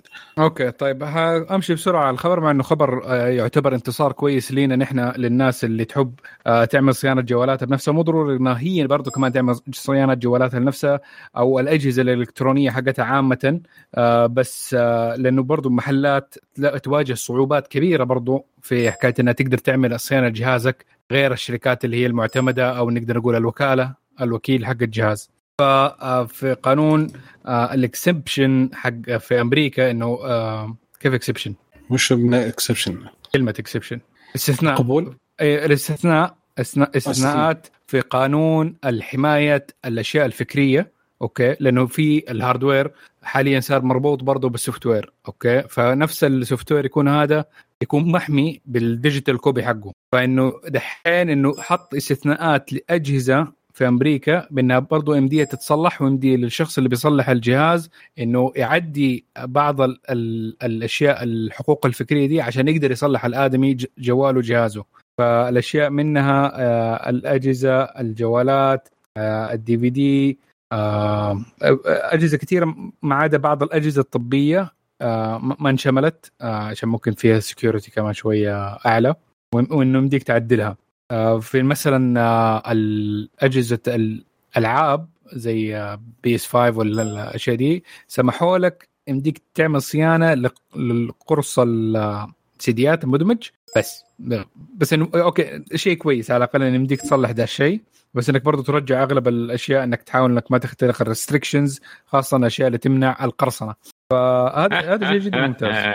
طبعا ال- الناس آه، من الشركات اللي كانت تعمل الموضوع ده اللي هي ال Electronic Frontier Foundation هي من أهم الناس اللي بيحاربوا لمصلحتنا من ناحية إنها تتوفر لنا قطع الغيار تتوفر لنا طرق إن نقدر نصلح جوالاتنا ونخلينا نستخدمها أكثر من سنة أو سنتين بعد ما ونقدر نخليها تعيش فترة أطول وما ما تصير زبالة وبرضو iFixit شركة آه، آه، خاصة تنتج بعض ال tools قطع.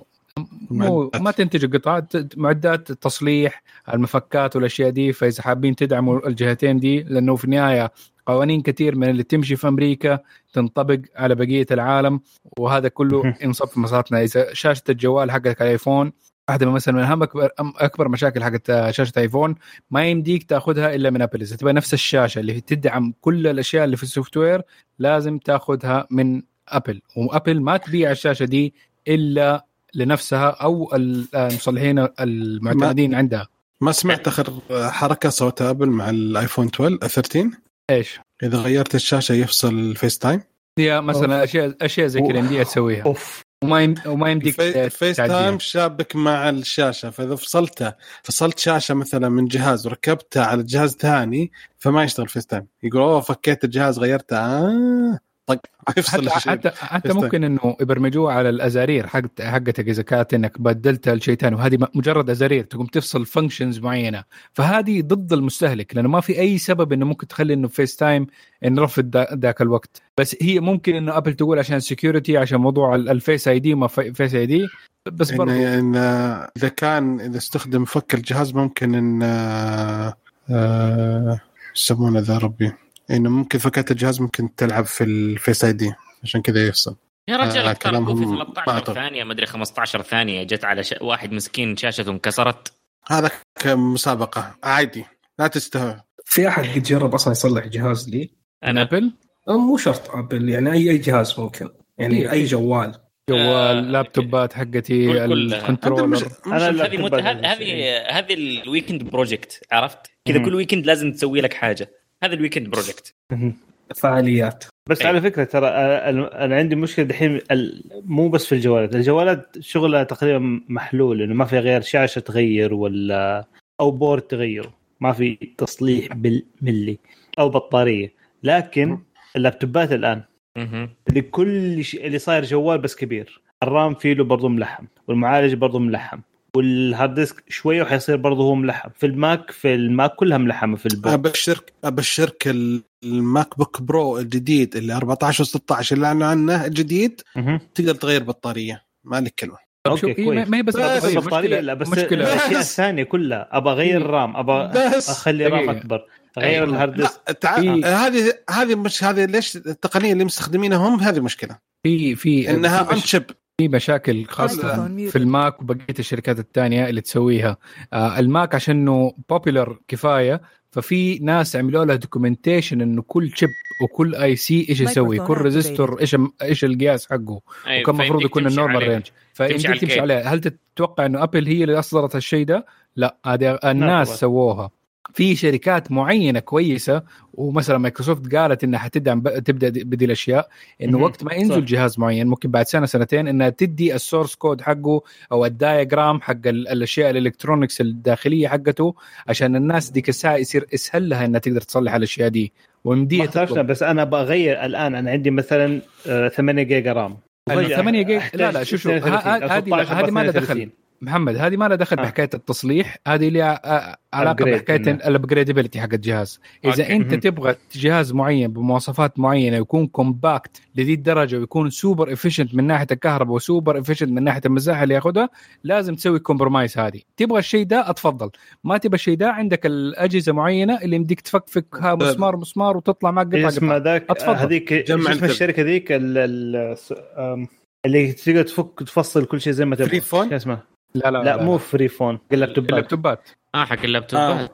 أو في واحد اسمه Fair عنها. phone برضه نفس الشيء صح؟ Fairphone تقدر. تركب كل شيء برضه آه Fairphone آه، ما نقدر ندعمه ذاك الشيء. بس اللابتوب ذاك كويس ال- الفكرة حقته كويسة وناس. كثيرين آه في ال tech برضو يدعموه. آه فعند- فعندك. ال options هذه. حتى مو ضروري إنك تروح ل option زي كذا extreme إذا تبغى بس رامات وهذا عندك ال- ال Dell XPS وبعض الأشياء الثانية. يمديك تدعم إنك تغير الرامات ال memory والأشياء دي. مهم. مو كلها. أشياء ال gaming الكبيرة الضخمة دي أغلبها لازم إنها تدي لك الحرية إنك تعمل ال upgrade في عندك Yeah. ال Clevo series من اللابتوبات هي شاصيات مع mother boardات modular يمديك أنت تنقي أغلب الأشياء اللي فيها. وتعمل upgrade تعمل إضافات تحط GPU اللي تبغاه. في ال option موجود إذا أنت دورت عنه وإذا أنت تحتاج التقنية دي. بس لأغلب الناس العادية تحتاج شوية سهولة في الاستخدام تبغى شوية نحف تبغى شوية efficiency في الكهرباء. فهذه الأشياء لازم تكون بهذه الطريقة. طيب ال cost okay. حقها مقارنة بالأشياء الثانية ال flexible أنت في النهاية أنت لما تكون عندك كمية الناس اللي تبغى الشيء ده أقل وما ما ما بتدور على الشيء ده حتكون ال- السعر أغلى. يعني لما أنا أسوي أصمم وأجيب فريق مهندسين وهذا يصمموا عشان أبيع ألف جهاز غير لما أبيع 500 ألف. بس ولكن سعر ال- اللابتوب اللي حد يمديك تشتغل فيه كم؟ آه مو ال range عطني مو range مو كثير أغلى. تقريبا يعني أغلى ممكن 200 300 دولار بينه وبين اللابتوب اللي ممكن بنفس المواصفات. okay لا- على كذا أنا أشوفه يستاهل. لأنه صراحة يعني 1000 1000 1500 ريال.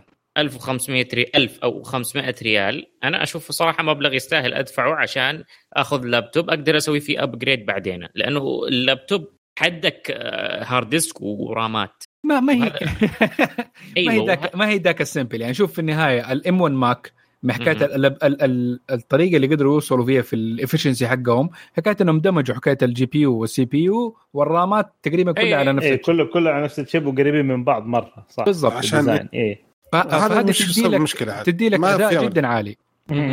فإذا تبغى الأداء العالي ده وال efficiency عالي في البطارية بطارية جهاز تقعد فوق ال... يعني وأنت تستخدمه للفيديو لهذا ممكن تقعد لك فوق 15 ساعة آه لا مجرد ال Mac دحين لا، لا، لا، مو Pro كم بتقوله. دحين 17 مدري ثمانية. إي إي تقول 21 ساعة بس نحن ما إيه. إحنا نمسك بالاشياء حقتها أغلب ال reviewers جابوها بين 11 15 ساعة تقدر توصل الاجهزه دي فإذا تبغى لا برضو هذا. شيء جدا خرافي اسمعني أنتم ما جربتوا طريقه Apple روحوا جربوا طريقتهم وتشوفوا ما. طريقه مختلفة. إيه، الفيديو اللي نقينا طريقة ال- الفيديو اللي نقيناه فيه أبيض كثير هو ما يحب اللون الأبيض لا مو. بأبيض حجمه سنتي بسنتي. عشان ما يست- ما يستهلك. وباقي شاشة. سوداء ما يطلع طاقة ولا شيء. okay كذا أعتقد خلصنا الأخبار. لو سمحتم يعني إذا سمحتوا لنا نبغى ننتقل إلى الفقرة الثانية وهي فقرة التسريبات ومعنا سيف أول خبر. أول تسريب عندنا من شاومي. طبعا شاومي الفترة هذه شادين حيلهم مرة لأنه المنافسه صايرة قويه منهم ففي تسريب يقول إنه حيعلنوا عن Note 11 و Note 11 Pro وحيكون يوم 28 أكتوبر يعني المفروض بكرة وقت تسجيل الحلقة. طيب حتكون مواصفات النوت 11 آه، معالج حيكون من MediaTek 810 وحيكون يدعم الشحن السريع 33 واط والشاشة حتكون 120 هرتز LCD وبالنسبة لل Pro حيكون 920 المعالج والشحن حيكون 67 واط وتحديث الشاشة حتكون 120 والشاشة حتكون من نوع AMOLED وفي كمان اللي هو ال 11 Pro Plus. حيكون MediaTek 1200 شحن 120 واط والشاشة حتكون آه، AMOLED و120 هرتز. فهذا تسريب. هم داخلين منافسه بقوة من ناحية الشحن. فأتوقع ال 11T Pro نزل ب 120 واط نزل الشهر هذا بداية الشهر هذا ولا شيء. فداخلين في المنافسة. هل تشوف إن نحن ممكن نحتاج 120 واط؟ نشحن. جوالات؟ نحتاج حتى 200 أنا بالنسبة لي عادي، آه،. عادي اشحن جوالك وخلال سنة غيره مو مشكلة. والله المشكلة البطارية ما صارت تتغير. هم يضمنونه ف غير جوالك. اتس اب تو ذيم وإذا إن شاء الله بس إذا خرب كذا. قبل قبل أيوة. سنتين أهم شيء. أجل عندك س- ثلاث سنوات. آه هي سنتين الضمان حق السعودية. إيوه عشان كذا. يخلص على السنتين. هو لو- أنت لو ما خرب حتجيبه من السعودية أنت حتجيبه من بكين بعدين ولا حتجيبه من شنغهاي؟ آه نزل رسمي هنا إيش بك أنت؟ إيه، في في عنده طيب، في. وكيل وفي له كل شيء هنا. في وكيل حسين. بس آه، أتوقع إنه ضعيف شوية. مم. والله شوف آه إيوه حسين. اللهم صل على محمد. نرجع لل- للتسريب اللي عندي. آه، خلي شاومي على جنب. آه،. شركة كويسة. يبغى لهم يشدوا حيلهم شوية مع الوكيل اللي هنا. طيب عندنا تسريب. طبعا ياما كثر الكلام قدام فترة طويلة عنه وبعدين اختفى مع مع طلعت اشاعات جديدة. لكن ذي المرة في عندنا تسريب إنه أبل آه، حتنزل مستشعر أو القطعة أو الحساس اللي راح يقوم أو بقراءة السكر في الدم والاحتمال الكبير إنه راح يكون في الأبل واتش آه، ثمانية اللي ال- مو ال- الإصدار القادم آه، إن شاء الله بس هم مستنيين حاجتين ال FDA approval موافقة ال FDA وإنه الجهاز يكون دقيق مثل الأجهزة الطبية. لأنه السكر وأشياء هذه لازم تكون مرة دقيقة. أنا جالس أفكر كيف ممكن يستخدمون أو كيف الطريقة. ما أعرف إيش حيسووا لكن آه، صراحة ال- ال- مرض السكر آه، شفانا الله وعافاكم آه، مرض مزمن متعب. أنا عندي واحد من الزملاء ما, ما خلينا لا, لا, الجهاز- لا نديله هذا. ما هو مرض. خلينا نقول إنه بدل ما كانت سيارتك أوتوماتيك صارت دحين غير عادي بس. هذا تبسيطك للموضوع. إيش هذا؟ إيش هذا؟ لا يا حبيبي.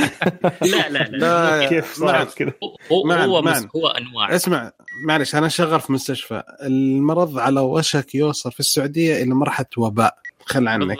مو هو مرض. بس شوفي هو م- الم- المرض والهذا إنه في هل أنا أدي لك واحد مصاب بالسكر أوكي؟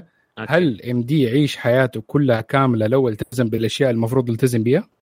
أيوه يق- يمديه ولكن اذا ما هو مرض. لازم يكون حذر زيادة. لا حبيبي مرض هي انقلبت لا أنت لا. السكر لا. وإنتاجك للأنسولين. بدل ما كان إنتاجك للسكر وانتاجك للأنسولين اللي يقدر يعمل. إيش هو؟ هو إنتاج السكر كان free من البنكرياس؟ مزبوط كان آه، اوتوماتيك يصير معك في البنكرياس. وصار بعدين معك مناعه مكتسبه وممكن كان عندك آه، من الولاده إنه ما كان عندك اللي هو السكر ال- آه، النوع الأول. بس إنه يصير أنت دحين عندك إنك تتحكم بالسكر ده manually ويمديك من الاشياء صحية بالرياضة ولا هذا يمديك آه، تعيش حياتك كاملة بدون أي مشاكل. بس اللهم في شوية إزعاج بإنك أنت حتسوي الشيء ده manually بنفسك. أول شيء أول شيء معلش الله يشفي كل المرضى أوكي. ولو إنك يعني ما أدري عندك أحد عنده مرض السكر يا عندي- معنا عنده مرض الوالد؟ دكتور سكر. حولك أها. طيب أنا الوالده عندها السكر أوكي؟ السكر يضرب كل شيء يضرب أجهزة الجسم كلها. هذا لما أوكي. يكون إذا ما ترتب إذا ما ترتب إذا ما ولا هذا ترتب. زي كذا يضرب كل شيء. وحتى لو هو مترتب حيأثر على النظر لازم. حيأثر على الكلى لازم. حيأثر على أشياء ثانية. كلها حتأثر أوكي؟ الأعصاب أكيد مو هو بشيء تسويه ولا تقدر شيء. وإذا خربت الأعصاب انسى إنك هذا. الله أول شيء هذا مرض طال عمرك زي ما قلت قريب مره يسوى وباء الوباء. الله يشفي جميع المرضى. والله يكفيهم شر. وإذا نزلت الساعة ذي أول ما تنزل فيها الحساس ذا أول شيء بروح أشتريه. بشتريه وبشتري جوال طال عمرك وأروح اعطيه امي لأن لو تعرف كل يوم أو كل مرة تضرب إبرة وينزل الدم وش المعاناه اللي تعانيها؟ والله ولا شيء تستاهل أي ريال تدفعه ببلاش أتفق أوكي. مع بعد. فمعليش يعني الموضوع هذا لا تقرب منه معليش. باخذها بس بالنظرة شوية متفائلة يعني. وثاني شيء طب إذا أنت تقربها على إنها جزء تعطل وزي كذا هذه تخيل كأنها فرامل. إيه، طيب ولا انصادم فما ما تقدر تحكى يعني. أمشي أمشي activated. السرعة بس ترى الفرامل مو شغاله يلا سوق. زي كذا تبغى تتكلم عنه إذا تقارن. أوكي؟ أوكي. نقلب طال عمرك آه... عطنا الخبر يوسف. عندنا أمازون. أمازون آه ناوي تسوي تطبيق ينافس ل Clubhouse. طبعا آه، باسم التطبيق اللي ناويين نشتغل عليه Project Mic طبعا هم إيش يقولون؟ يقولون إحنا ودنا نعيد تعريف مفهوم الراديو. نعيده بطريقة مختلفة. آه، ناويين يطلعونه في أمريكا ك يعني خط أولي. بعدين بيشوفون هل هو راح ينجح أو لا. ما أدري. فهل توقعون يمديهم أو راحت عليهم؟ لأن تويتر ما شاء الله شغال. هو. البودكاست تقريبا هو اللي ممكن أخذ شوية من سوق الراديو خاصه في ال shows اللي هي الأشياء الصوتية. صحيح. بس آه، ال ال اسمه؟ البرنامج ذا الثاني؟ Clubhouse؟ Clubhouse إيه. Clubhouse. شوية مختلف لأنه في يمديك ناس كثير يمديها تشارك في الموضوع ويعتبر كأنه حوار ساحة. شوف يا معن آه خليني أقطع كلامك وآسف بس أنت ممكن بعيد عن الحدث اللي صار اليوم في تويتر. آه صراحة؟ صراحة ال- إيش إيش اللي ما صار؟ أكبر مساحة على تويتر تم تحقيقها اليوم كسروا الحاجز. آه معالي ال- المستشار آه تركي آل الشيخ فتح مساحة على تر وبدأ يناقش أو يتكلم عن موسم الرياض. فتخطى عدد ال- المستمعين أو الموجودين على هذه المساحة ال 41 ألف شخص قاعد يسمع بشكل مباشر. تمام؟ هذا هذا هذا إذا ماني غلطان الرقم القياس السابق كان 40 ألف. طبعا بتقول لي 41 ألف فرق ألف؟ لا لا لا الحكاية مو فرق ألف الحكاية إنه الناس أقبلت على هذا الشيء. أنتم لو تذكروا الهبة اللي صارت في كلب هاوس كيف كانت؟ أو مم. كلوب هاوس. آه إنه ما تدخل إلا بدعوات وما أدري إيش ولازم آيفون وبعدين جت على الأندرويد و... وكان صداع صراحة. وبعدين صار حظر و... و- والله يا جاني متابعين كلها من كلب هاوس الله يجزاها خير يا شيخ. أنا والله زيك صراحة. نجي عند عندك دعوة؟ عندي دعوة خذ يتابعني. عندك دعوة؟ عندي دعوة خذ يتابعني. قلت يا حبيبي تعال كل يوم.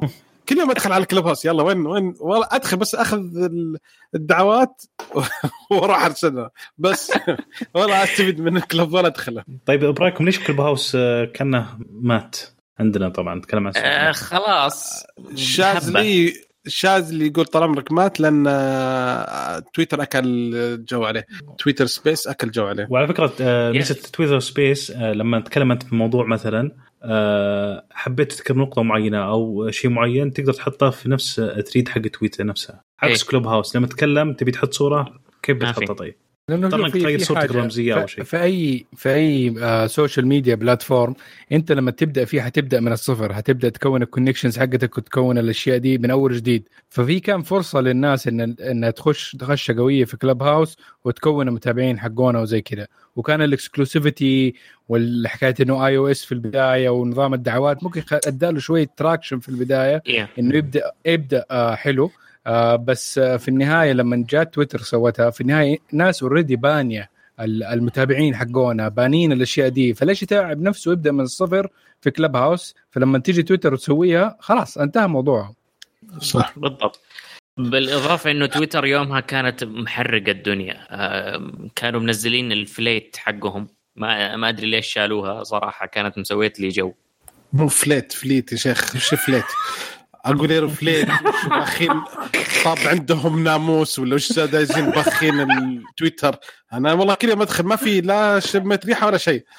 فليت في في في ذب في في نواميس. أقول لك جالس أقول يا ربي كل يوم أدخل. آه، أوكي حلو. يعطيكم العافية. آه، التسريب قبل الأخير. آه، في كلام إن مايكروسوفت جالسة تجهز أو شغال على لابتوب صغير أو حاسب محمول صغير بشاشة 11.6 موجه للطلاب الدراسات الدنيا وحيسوون له نظام خاص اسمه ويندوز 11 SE okay؟ ويمكن يعلنون عنه نهاية السنة هذه. يعني نرجع حركة ال 10 SE مرة ثانية. لا حول. والله مشكلة. حيكون ما في شيء فاضي. ضعيف بطيء ما يسوي ولا شيء شوف هو على حسب هم موجهينه لمين هل حيبيعوه في أفريقيا يعني ولا حاجة زي كذا لل- يقول الطلاب يكون جداً الدراسات رخيص. العليا يعني الطلاب يعني حق ابتدائي والمتوسطة فهمت؟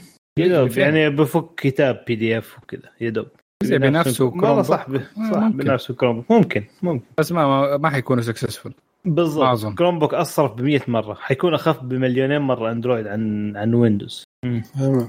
هم حاولوا ترى يا شيخ حتى جوجل حاولت ب Chromebook ما قدرت ما نجحت لا لا جهازين فشلت فيهم لا لا أحسن جهاز. أحسن جهاز تحط عليه أوبنتو صح صح صح. كلهم كانوا صح. آه، بس هذا الكلام أول ولا الآن قريب أنا أتذكر قبل فترة من زمان يعني قصدي اللي كان Chromebook يحطوا عليه أوبنتو لسه يمديك تسويه حلو أنا. إذا عندك access البتاع. okay حلو. آه آخر تسريب آخر حبة. تسريب. آخر حبة. للي نحبه يا دحين في تقرير يقول لك يكشف إنه AMD عندها دحين ال CPU الجيل الجديد من Ryzen من را من Ryzen ب Zen 3 architecture واللي فيها 3D V-Cache ال cache حق حق ال CPU حيبدا إنتاج بكميات كبيرة في الشهر الجاي.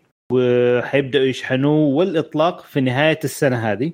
وفي مصادر تقول إنه الشريحة إنه آه، شو اسمه ال CPU يعني ممكن آه، يعرض في المعرض آه، التقني العالمي في اللي هو CES 2022 في يناير السنة القادمة. والإطلاق حيكون برضو آه، الشهر اللي بعده فبراير.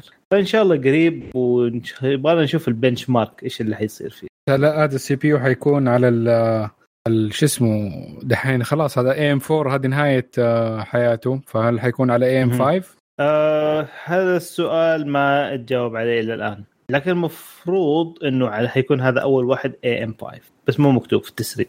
يبغى نستنى ليناير. لأنه DDR 5 نزل و motherboard ات. برضو اليوم آه، نزلت حقت Intel ال Z 690 نازلة. شايفها في 90. اليوتيوب مليانة. مم. ومعالجات 1200 وحاجه الرقم الطويل. الرقم الطويل. الرقم الطويل حقهم إيه. آه يا بس أكيد بس على الاقل أيوه أنا شوف صراحة أصلا AM 4 خلاص وق... يعني طولوا طولوا. يعني كويس الحمد لله مشت الأمور. بس يبغى لها أحسن من ويندوز أحسن من ويندوز أحسن من Intel أيوه انت مع كل صداع. board جديد. خصيصا نتكلم عن آخر ثلاث أجيال اللي هو نتكلم عن 12 و11 و10 الموضوع صراحة مرة كان سيء. يعني تخيل يعني إنه في أحيانا كانت بتصير مشاكل ما بين ال 11 وال- والعشرة مع إنه المفروض الجيلين هذول بيكونوا بيتشاركوا في نفس ال socket اللي هو 1200 مهم. فكانت بتصير فيها مشاكل يعني. بس نقول إن شاء الله إنه الجيل الجديد بي- بيكون كويس منه. لكن معليش مو مو الزن 3 هي ال- اخر اخر معالجات اللي نزلت اللي هي معالجات 6000 تبعهم صح؟ مع ال 5000 5000 5000 هي فمعناته إنه حيكون مثلا تطوير للمعالجات ال- اللي فاتت ليهم ولا؟ لا هو ز- لما تقول زن آه حيكون ال architecture التصميم الداخلي للمعالج غير الرقم الثاني اللي هو ال- حيكون نوع المعالج. اللي هو Ryzen Zen 3 اللي هو ال architecture حقه فيكون زن 3 ك architecture بس آه حيكون عليه ال- ال- ال cache الجديد. فحتلاقي نفس الأداء مفروض نفس التصميم حق ال- اللي موجود حاليا بس اللهم ال cache معدل. مفروض.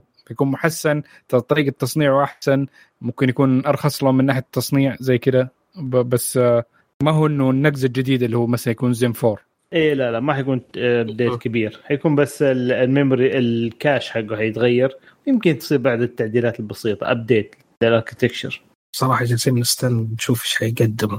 إنه فعليا آخر سنتين امور معاهم مرة حلاوه أنا يبغى لي أصلا قريب كمان أعمل upgrade الأمور شغالة بس كذا أحس أبغى أسوي شيء جديد.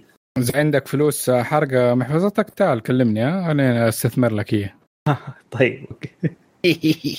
طيب حلو. الله يعطيكم العافية. كذا خلصنا التسريبات وننتقل إلى فقرة تطبيق الأسبوع. آه، الفقرة هذه. كنا متحمسين لها شوية. فأول شيء تطبيقنا حيكون Pocket Cast زي ما قال أخوي يوسف. ف صراحة آه، تطبيق أنا كنت أستخدم آه، Apple Podcast من سنين وكل فترة فترة يسوون له تحديث يشيلون شيء يغيرون شيء وزي كذا لأن آخر التحديث الأخير صراحة مرة سيء جدا بالنسبة لي يعني ما قدرت يعني لأن مثلا واحدة من الأشياء السيئة بالنسبة الحين لما أنا أختار طب ق- قبل ما نبدأ بالمساوئ إيش هو البرنامج؟ إيش التطبيق؟ Pocket Cast كنت Pocket Cast إيه- إيش يسوي؟ Pocket Cast هو تطبيق خاص آه للبودكاست لاستماع البودكاست. حلو, حلو. فمن ال- هو متوفر على نظام الأندرويد وتوفر على الآيفون أوكي آه يقدم مزايا كثيرة وحلوة بالنسبة لي يعني أفضل شيء انه واجهة المستخدم مرة سهلة وبسيطة آه، يعطيك يعني خيارات كثيرة منها إنك تقدر آه، تحدد التطبيق وش أي تطبيق أو أي بودكاست ينزل يحفظ ووين ينزل في ال- مثلا في الجدول أو ترتيب البودكاستات. يعني مثلا تختار مثلا زي بودكاست كشكول آه إذا جاء أي حلقة تنزل فحيجيني تنبيه. أنا أقدر أختار إن أي تطبيق أي بودكاست ينزل ينزل ينحفظ على طول على الجهاز يصير داونلود ويدخل في القائمة يدخل أول قائمة يدخل آخر القائمة على حسب اختياري. ففي بعض التط... يعني تطبيقات البودكاستات أختارها تطبيق آخر يعني تنزل آخر شيء وبعضها لا أبغاها تكون أول ما تنزل تجي أول قائمة لأنه مهم ان نسمعها على طول. فزي كذا فمرة فيها. آه، الأشياء ال- يعني أشياء كلها متوفرة فيها. آه، مثل آه، آه، يعني تغ- تغيير الثيمات التقديم تسريع إضافة المؤثرات كل هذه موجودة فيها. آه، مرة حلوة. أوكي تطبيق. آه، يوسف إذا عندك آه. بعد آه، إضافة. أنا والله آه، من سنوات صراحة وأنا أستخدم التطبيق. طبعا قبل كان آه، شراء ما كان مجاني. فأنا مشترك فيه. آه، أنا معهم تقريبا من عام 2016 شهر 9 وأنا أستخدم صار. مجاني؟ هو مدفوع أول تشتريه. أي أنا تطبيق. أنا مشتريه من زمان. أنا كنت أستخدمه. إلين ما نزل جوجل بودكاست بعدها خلاص وقفت. اي لا لا هو أي- بعد كذا صار مجاني. آه، يمكن بعض ولكن- اي تفضل. أيوه بعض بعض الميزات ما لازم تشتري لا أنا بتكلم بشكل عام لأن جربت على فكرة تطبيقات كثيرة. أنا بعطيكم اللي جربته وبعطيكم مزايا وعيوب آه بشكل سريع. آه جربت. Apple Podcast Google Podcast آه جربت آه Cast بوس آه Castbox تمام؟ آه و Pocket Box أو Pocket Cast بصراحة يمكن برنامج بوكيت كاست يمكن هو أفضل شيء جربته. آه من ناحية نظام مستقر. آه واللي يهمني أكثر شيء واجهه المستخدم جدا جدا سلسة وما تحس فيها أي ثقل وسهل الاستخدام. في ميزة مهمة بعد يمكن ما حد ينتبه لها كثير اللي هو التشابتر ان بعض الحلقات أو بعض البودكاستات تكون مقسمة. فأنت بدال ما. تسمع الحلقة كلها فهنا لا في تشابتر تروح النقطه الفلانية ترجع تروح تقدم آه، كل سلاسه آه، حتى على الأندرويد أوتو آه، جدا سلس البرنامج ما في أي مشاكل عكس بعض البرامج اللي آه، اشتغلت عليها. آه، فبالنسبة لي أشوف انه أفضل برنامج آه، بودكاست جربته آه، جميل جدا. أنا عندي بعض احصائيات شوي آه، عدد ساعات الاستماع اللي عندي. طبعا أنا استخدمت سنوات معينة ثم أوقف آه، فترة ثم أرجع. بس عموما الأحصائيات هنا عدد استماعات آه، تعادل 41 يوم و12 ساعة. آه، استمعت البودكاست من 2016 آه، يقول لك عدد الأشياء اللي سويت فيها skip بمعادل تقريبا يوم و10 ساعات. بس سويتها آه، طبعا في شغلة يسويها ال- ال- البرنامج اللي هو تقدر آه، إذا في فراغات يشيل لك يحذف لك فراغات هاي تلقائيا. وهذه ميزة مهمة. آه، الفراغات يحذفها تقريبا من من البرنامج نفسه 9 ساعات و56 دقيقة. فهذه وفرتها من وقتك. من كثر ما يشيلها ال- البرنامج. فبس ما ما أدري إذا في برنامج معين تفضلونه غير برامج حقت جوجل وأبل يا ريت تعطونا فيها. الاشياء الثانية بعد اللي عجبني عجبني فيها انه أول شيء بالنسبة للآيفون آه، من الأشياء اللي سهولة زي ما قلت سهولة الاستخدام. انسان سي- إنه يرتب لك كل شيء زي ما تبي وتحط لك إياها فسويها one time وخلاص ما تحتاج إنك تشيك عليها. آه، في بعض الأشياء في بعض البودكاستات مثلا تنزل لك حلقات كاملة وحلقات صغيرة فتقدر يعني تختار وتنزل. فمرة يعني صراحة مرتاح مره منه مبسوط جدا. لا آه في شيء option إضافي؟ إي. إي تفضل. آه، قصدي الميزة في ميزة أن لما مثلا تسمع حلقة في خيار تقول أول ما أخلص من استماع حلقة احذفها من عندي على طول من download عشان ما تشيل مساحة الجهاز. مجرد ما تسمع مباشرة يشيلها على طول. هذه ميزة جدا مريحة. مرة مرة جدا مريحة. آه بس آه هل يستاهل إني أخلي Google Podcast وأرجع له؟ أنا أنا أنا already قد اشتريته. أنا يستاهل. دفعت فيه زمان. بالنسبة لي يستاهل okay. بقوة. طبعا مش في أحد المستمعين اللي هو شازلي آه، اللي هو على المحفظة. كان يتكلم عن محفظة. إنه يقول أنا ما اشيل آه، كاش وهذا فمحتاج محفظة سليم آه، ممتازة. أنا في محفظة شاريها تقريبا من آه، خمس سنوات أتوقع أو أربع سنوات. لا زالت نفس المحفظة موجودة عندي. آه، جدا صغيرة ممتازة جدا. مطاط. طبعا هي من الجلد جميع الجهات عدا الجوانب مطاط. ميزتها صراحة عملية جدا. لها فترة تقريبا أربع سنوات معي. إلى الآن الجلد نفسه ما خرب ولا جاه أي شيء. آه، الميزة حتى حطيت بطاقة واحدة أحاول أطيح البطاقة ما تطيح. المغط حقها مصنوع بجودة ممتازة جدا. آه، حط بطاقتي أنا تقريبا حاط مجموعة بطاقات الآن. آه، تقريبا عشر بطاقات مع شوية مبالغ كاش. ما أحس بأي زحمة. جدا جميلة البطاقة هذه أو المحفظة. هي اسمها حلو. آه، سوبر أو سوبر إكس أتوقع أو سوبر. آه، للأسف هم شغلهم في أمريكا. فالشحن بيكون آه، دولي فلحالها بتكون مكلفة. إذا في شيء معها فاكر آه، كم سعرها؟ والله أقل من 100 بس الامانه الجودة 100 فيها ريال دولار. لا أقل من 100 ريال. آه، مع الشحن ممكن okay. آه، توصل ممكن 150 أو شيء بس الجودة أنا أتكلم عن جودة لها أربع سنوات معي. آه، جودتها عالية جدا. طبعا لاحظ ال- ال- الجيب اللي أحط فيه البوك أحط فيه معاه مفاتيح. لا أشوف. فيها لا مخشات ولا فيها حتى الجلد نفسه ما تأثر. يعني غبار ما أدري فيش ما تأثر ابدا. آه، غبار جدا بصراحه آه، الصناعة خصوصا المغاط السر بعد في المغاط مو جلد. حطيت بطاقة واحدة البطاقه هاي ما تطيح. أه تحط فيها بطاقات كثيرة معك شوية كاش الأمور طيبة. سافرت فيها رحت فيها مع الجنز مع الملابس كلها ممتازة. أنا بحاول أجيب الرابط لأن صراحة دورت عليها ناسي الاسم بالضبط. سبرينك هي اسمها سوبر أو سوبر شيء زي كذا إكس أتوقع. محفظة تجي على مقاس كفة اليد أو أصغر. أه حجمها مناسب جدا. فيها ألوان في أسود أتوقع وكان في بيج. أه إن شاء الله إنها موجودة الشركة هذه. بشوف إذا في رابط لها بحطه إن شاء إذا حاب برضو كمان أشكال وأشياء غير اللهم السعر 175 دولار 120 دولار. عندك اللي الشركة اللي شفنا إعلانات كثير عنها في يوتيوب Ridge Wallet عندهم أشياء carbon fiber تيتانيوم آه جميع أنواع المعادن وميزة حقتها إنها برضو كمان تعمل block لل RFID حق أو ال magnetic signature حق البطايق حقتك فما حد يقدر مثلا يتنصت عليها ويقدر ياخذ الكودات حقتها ويستخدمها فما تنسرق خيار expensive بس آه، غالي شوية. بس عندهم اختيارات حلوة من ناحية الأشكال عندهم أشكال ظريفة كده وحلوه ذهب. Ridge Wallet R I D G E Wallet محفظة. حلو. أمريكا أنا بس. بالنسبة أنا كان في آه، لقيتها يا شباب لقيت واحد. الرابط. الحمد لله.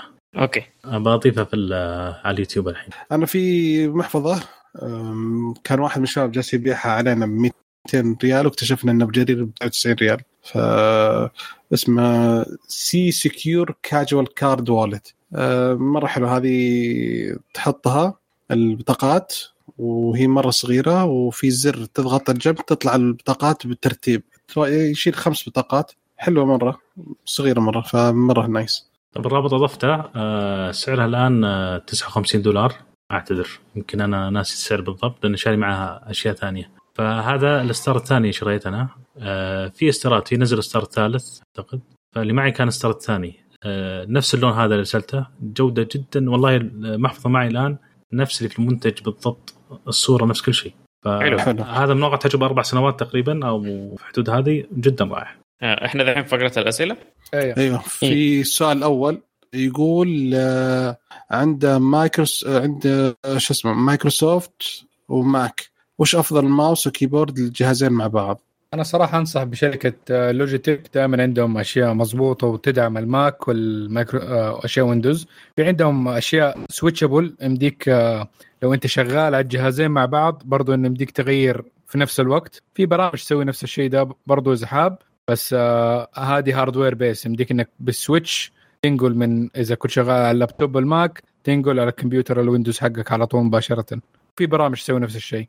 بس لوجيتك عادة تعريفات ال USB حقتها وال drivers حقتها جدا ممتازة وأنصح بيها صراحة. أغلب الأشياء عندي برضو كانت آه، ال wireless عادة برضو كانت لوجيتك. في طيب ش- ماركة مع آه، موديل معين من آه، تقريبا. الفورم الفورم فاكتور حقها هذه شيء شخصي إنه إيش إيش الميزات اللي تبغاها في الماوس ال- الكيبورد كيف التعامل حقه معاك آه، هذا شيء شخصي أنت ممكن تنقيه عند- عندهم يعني وسع كبير عندهم تشكيل بس خد شيء إيه، عندهم جديد تشكيل. يعني. آه أنا صراحة حلو. كنت آه كنت منبهر في ال- الكرافت بس سعره سعره منبهر تو ماتش على على على كيبورد ما هو ميكانيكي بالنسبة لي شخصيا اي بس سعره على منبهر، ها؟ كويس س- س- سعره منبهر؟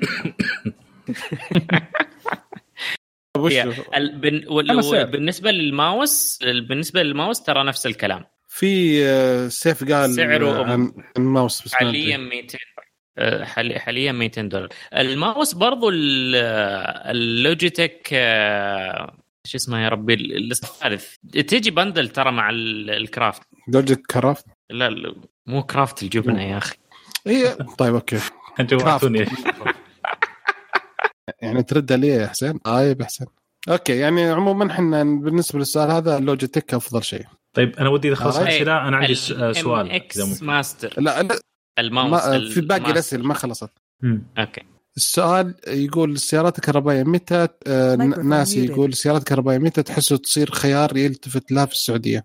في آه، مشكلة حاليا ممكن نقول في ال capacity آه مو آه مو capacity بس إنه في الحرارة شوية ال- ال- ال- ال retention حق ال- الشحنة في السيارات الكهرباء احتفاظ شوية بالشحن. سيء. اي احتفاظ بالشحنة شوية سيء في الأماكن الحارة بس آه في حلول ممكن بدأت تصير في بأنهم يحطوا راديترات ام دي تقعد شغالة فترة أطول. صح حتصرف بطارية بس إنه حتحاول إنها تطول من عمر الافتراضي حق البطارية. كثير من السيارات مثلا نقول ال- التسلا اللي كانت موجودة في الشارع آم، آه، لمدة حقت خمس خمس سنين آه، تقريبا خسرت من شحنتها تقريبا 90% من ال quality حق الشحن حقها. يعني زي لما انت تطالع في الجوال حقك وتشوف قديش ال quality حق البطارية باقي فيها ف 90% خلال خمس سنين يعتبر شيء جدا ممتاز. آه بس عندنا أماكن الشحن لسه ما هي متوفرة. آه طريقة إنك البنية تشحن التحتية. البنية التحتية. كثير يعني. الناس اللي عندهم فيلل حكاية إنه شركة الكهرباء لازم تشوف لهم طريقة إنه كيف حيتم طريقة الدفع. هل إنك حتتحملها على فاتورة البيت؟ هل, هل حتزيد من سعر الشرايح حقتك؟ لأنه إذا. أيوه. بيحفزوا تكون عداد لأنه لوحدها. أيوه آه معلش إذا ماني غلطان ترى أبو ظبي خلوها على عداد لوحدها. طب أنا بتكلم عن السعودية. السعودية يا- لسه ما صار في تحرك وما ما في أي حاجة حاليا على الموضوع ده. آه، في أمريكا كان في تحفيز أوكي على موضوع حكاية إنه واحد يشتري سيارة كهربائية. في بداية الموضوع لما كانت بدأت تسلا وغيرها من شركات تانية كانوا يدوا تقريبا آه، 7000 دولار بما قيمة 7000 دولار بالضبط. ويشيلوا لك هي من قيمة السيارة. فإذا صار في توجه زي كذا حيصير في إقبال جدا ممتاز للسيارات الكهربائية إذا كان الهدف إنه حفاظ على البيئة والأشياء دي.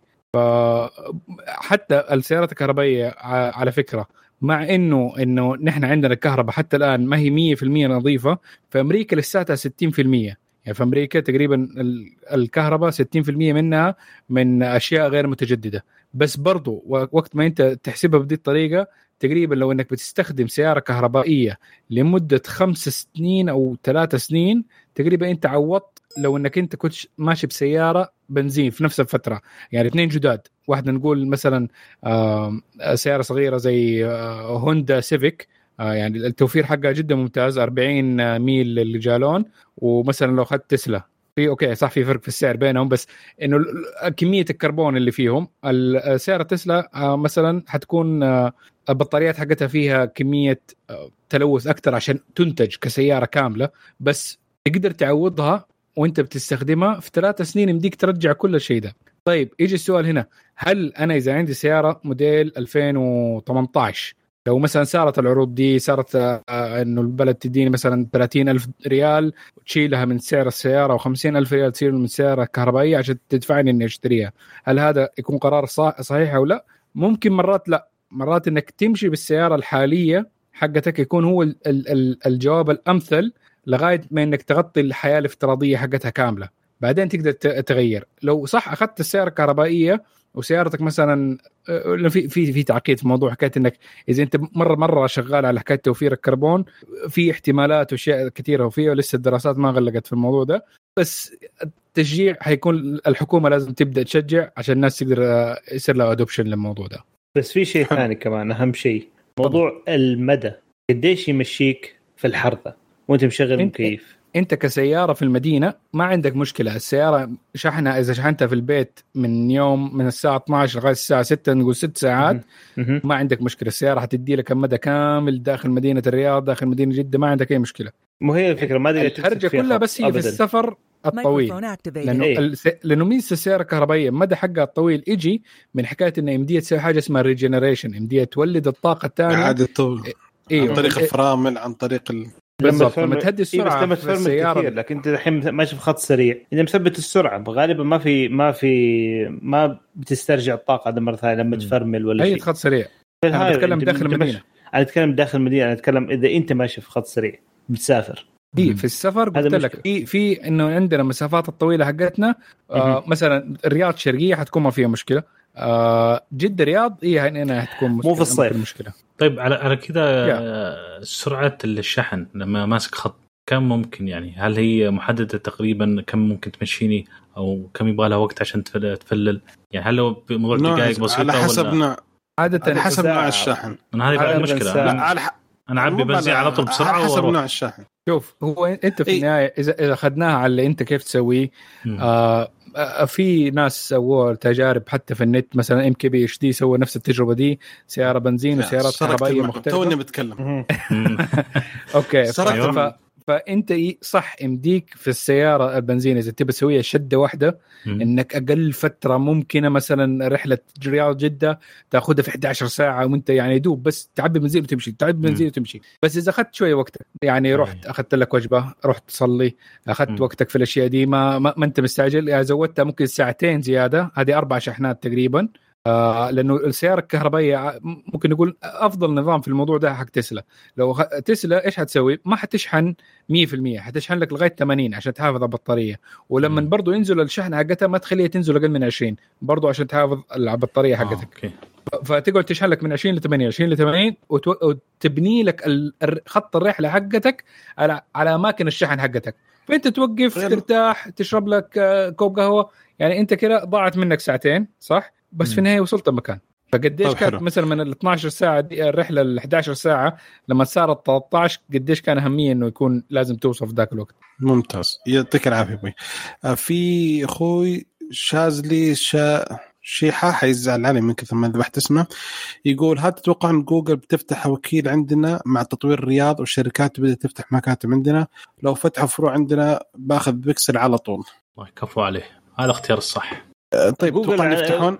إي لا جوجل قالوا. إنه حيفتحوا أعلنوا مم. عنها آه، جوجل سيسكو كوكالة؟ أب آه، أنا هذيك أكاديمية هذيك أكاديميات ما ما, ما هي هي- آه، إيه، ما- ما هي ما. متجر.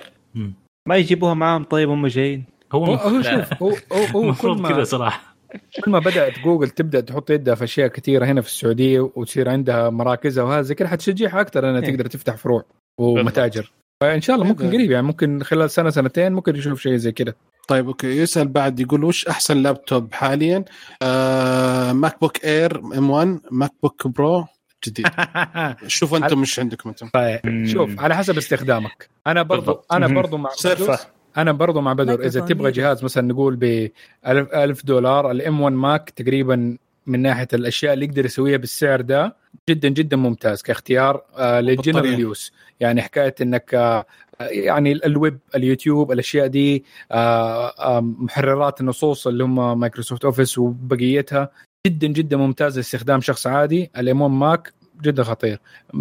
من الأشياء الثانية أشياء إذا عندك production والأشياء دي برضو ال M1 Max آه، تنحط في ال category بس برضو في أجهزة إذا أنت حتستخدم جهازك في مكان متواجد فيه كهرباء أغلب الوقت في أجهزة ممكن تقدر تكون أقوى من أجهزة ال M1 Mac إذا حاب بسعر أقل وعلى حسب استخدامك. برضو إنه برضو أنت تبغى شيء زي ال Surface ال Surface Pro إنه شيء خفيف لطيف يمديك تستخدمه آه، تحطه في آه، يعني زي ال- ال cover بسيط آه، ال iPad برضو ممكن يمشي لبعض الناس. آه، ففي اختيارات مختلفة لجميع الأسعار ولا هذا. فأنت تشوف إيش المتطلبات حقتك وممكن نقدر ننصحك أكثر من ناحية إنه إيه- إيش أفضل جهاز بالنسبة لك. حلو. بالضبط. أوكي. ThinkPad عندك شيء حسين؟ Activated. آه معا ما شاء الله ما قصر. ولكن لما يقول إيش استخداماته وإيش مواصفاته وإيش ال budget حقته وقتها نقدر نقترح له أسماء موديلات. تمام. هذا اللي بضيفه بس. أسامة غامدي يس- يسأل يقول هل توحيد سعر بطاقات الاتصالات المفوترة في مصلحة العميل؟ بالنسبة لي الأفضل لي يكون في تنافس بينهم ويا ليت يرفعوا الاستخدام العادل. فهل توحيد سعر بطاقات الاتصالات المفوتر في مصلحة العميل؟ هذا السؤال. الباقات أوكي الباقات الاتصالات المفوتره طيب شوف آه هي شوف الباقات أنا عملت يعني يعني مثلا يعني تلقى باقة آه، 100 مايكروفون ريال موجودة. في آه، موبايلي أتوقع هذا سؤالك يا أسامة معلش انه تلقى 100 ريال موجود في موبايلي و STC وزين. ف موحدوها ولا نخلي باقة يطلع لك باقة ب 15 ريال باقة ب 73 ريال وزي كذا. طب إيش لا، ما هي, هي مشكلة ال- الباقات خدعة خادعين بها شركات الاتصالات بأنه هذه الطريقة المثلى إنك تقدر توفر وتأخذ الأشياء اللي أنت تبغاها. بس لو قدرت إنك خاصة دحين في ال- في الوضع الحالي اللي نحن كيف نستخدم فيه الأجهزة حقتنا ترى تقريبا ما بنستخدم عادة الناس العادية أغلب الناس ما بتستخدم الاتصال ذاك الشيء. فعروضهم في حكاية إنهم يحط لك الباقات والنت والأشياء دي هذه مشكلة. ليش؟ لأنه كده يبور لك حكاية إنه إيش قيمة الشيء أصلا الفعلي أنت ما أنت عارف أنا كم قيمة الدقيقة؟ كم قيمتها؟ آه بديني هي كده بالضبط. لو قعدت دقيقة بدون باقة بدون باقة. كم قيمة الدقيقة نفسها؟ تلاقي فيها شوية آه امبيجوتي ما, ما أنت ما أنت عارف. كل واحد له سعر سوا ليها سعر ما أدري شكله له سعر. ما في سعر ثابت ما, ما تقدر كل شريحة لها سعر ترى. كل يعني شوف عندي- لما يحط لك هي أيوه. في نظرة الباقات ديك ساعه يقدر يتوهك بأنه هذا لا هذا هذا هذا مو سعرها هذا اوفر نحن مسوينه ويقدر. يحط لك هو إنه هذا بس قاعد سنة ممكن ستة شهور. هذا الاوفر بذي الطريقة صحيح ما هو السعر ثابت فلو تشتكي أو هذا وتبى ما, ما يمديك تسوي شيء طيب شوف أنا عندي عندي تجارب صراحة بعطيكم بس بشكل مختصر. آه، أنا قبل كنت أدفع أتوقع في شركة زين على باقة قيمتها أتوقع 200 وشوي. بس مع الوقت كنت أراجع جلست تقريبا سنة سنة وشوي أراجع كل استخدامي للبيانات واستخدامي. اكتشفت إني أنا استخدامي جدا جدا بسيط للبيانات مقارنة بالباقة اللي عندي. الباقة اللي عندي كانت مفتوحة البيانات والدقائق ما اعرف إيش. فبعد ما رجعت الباقات الموجوده اكتشفت في باقة آه، تس- آه، 59 ب 60 ريال تقريبا في الشهر. فيها 9 جيجا بيانات وفيها مدري كم آه، كم دقيقة آه، 100 200 أو 500 ماني متأكد بالضبط. الدقائق كثير علي اكتشفت إني أنا ما أكلم أصلا. يعني زي ما قال معنا اكتشفت إني أنا ما أكلم إلا أقل من 50 دقيقة في الشهر كمكالمات. البيانات استهلاك استهلاكي تقريبا ما يتعدى 7 7 8 جيجا تقريبا. لأن أنا في عندي نت هنا وفي نت في الدوام فاستخدامي ما هو ذاك الاستخدام. فلقيت حل على موضوع ال- يعني أنا أستخدم جهازين جوالين. فبدل ما أدفع فاتورة هنا وفاتورة هنا لقيت آه، طريقة اللي هو عن طريق جوي إنك أنت تاخذ لك شريحة وتضيف الشريحة الثانية آه، بشرط كلها تكون جوي تضيف الثنتين كلها في حساب واحد بحيث إنك أنت تاخذ الباقة هذه توزع الدقائق توزع البيانات توزع ال- الاستخدام حقك على جوالين أو ثلاث جوالات. فزي هذه حركه هذه واحدة من الأشياء اللي فيها تنافسية يعني ما يكون فيها سعر ثابت. لا آه، هنا. المشكلة هنا يا يوسف إنه في حاجة انت أنت. بتلعب في معركة خسرانة أنت مم. ممكن أوكي كشفت بطريقة إنك تقدر توفر كم حاجة مم. بس هم عارفين عندهم بيانات إنه أغلب المستخدمين إيش الطريق طريقة الاستخدام حقتهم وإيش الوي كيف أقدر أخلق الباقة حقتهم ان تبين لها تبين لك إنها موفرة و... و... بس في نفس الوقت انت بتدفع زيادة عن اللي انت تحتاجه. كيف يعني؟ انت عارف انك انت average تستخدم 8 جيجا آه إنترنت وممكن ولا شيء في الاتصال أوكي؟ مم. فيخلوا لك سعر ال 8 جيجا مثلا 100 ريال. سعر الباقة اللي, اللي مع اتصال unlimited و net 8 جيجا 150 ريال أو 120 ريال فتقول أوه يعني لو بس دفعت شوية زيادة وتقوم تاخذ السعر ده.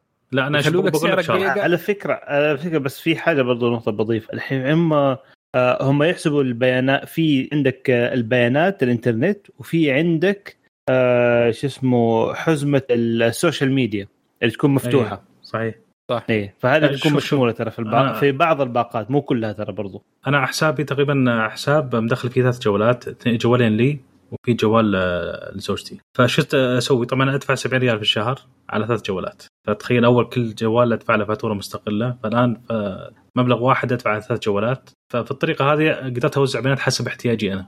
بس وبكذا ارتحت. ف 70 ريال هذه على ثلاث جوالات آه، شيء بطل.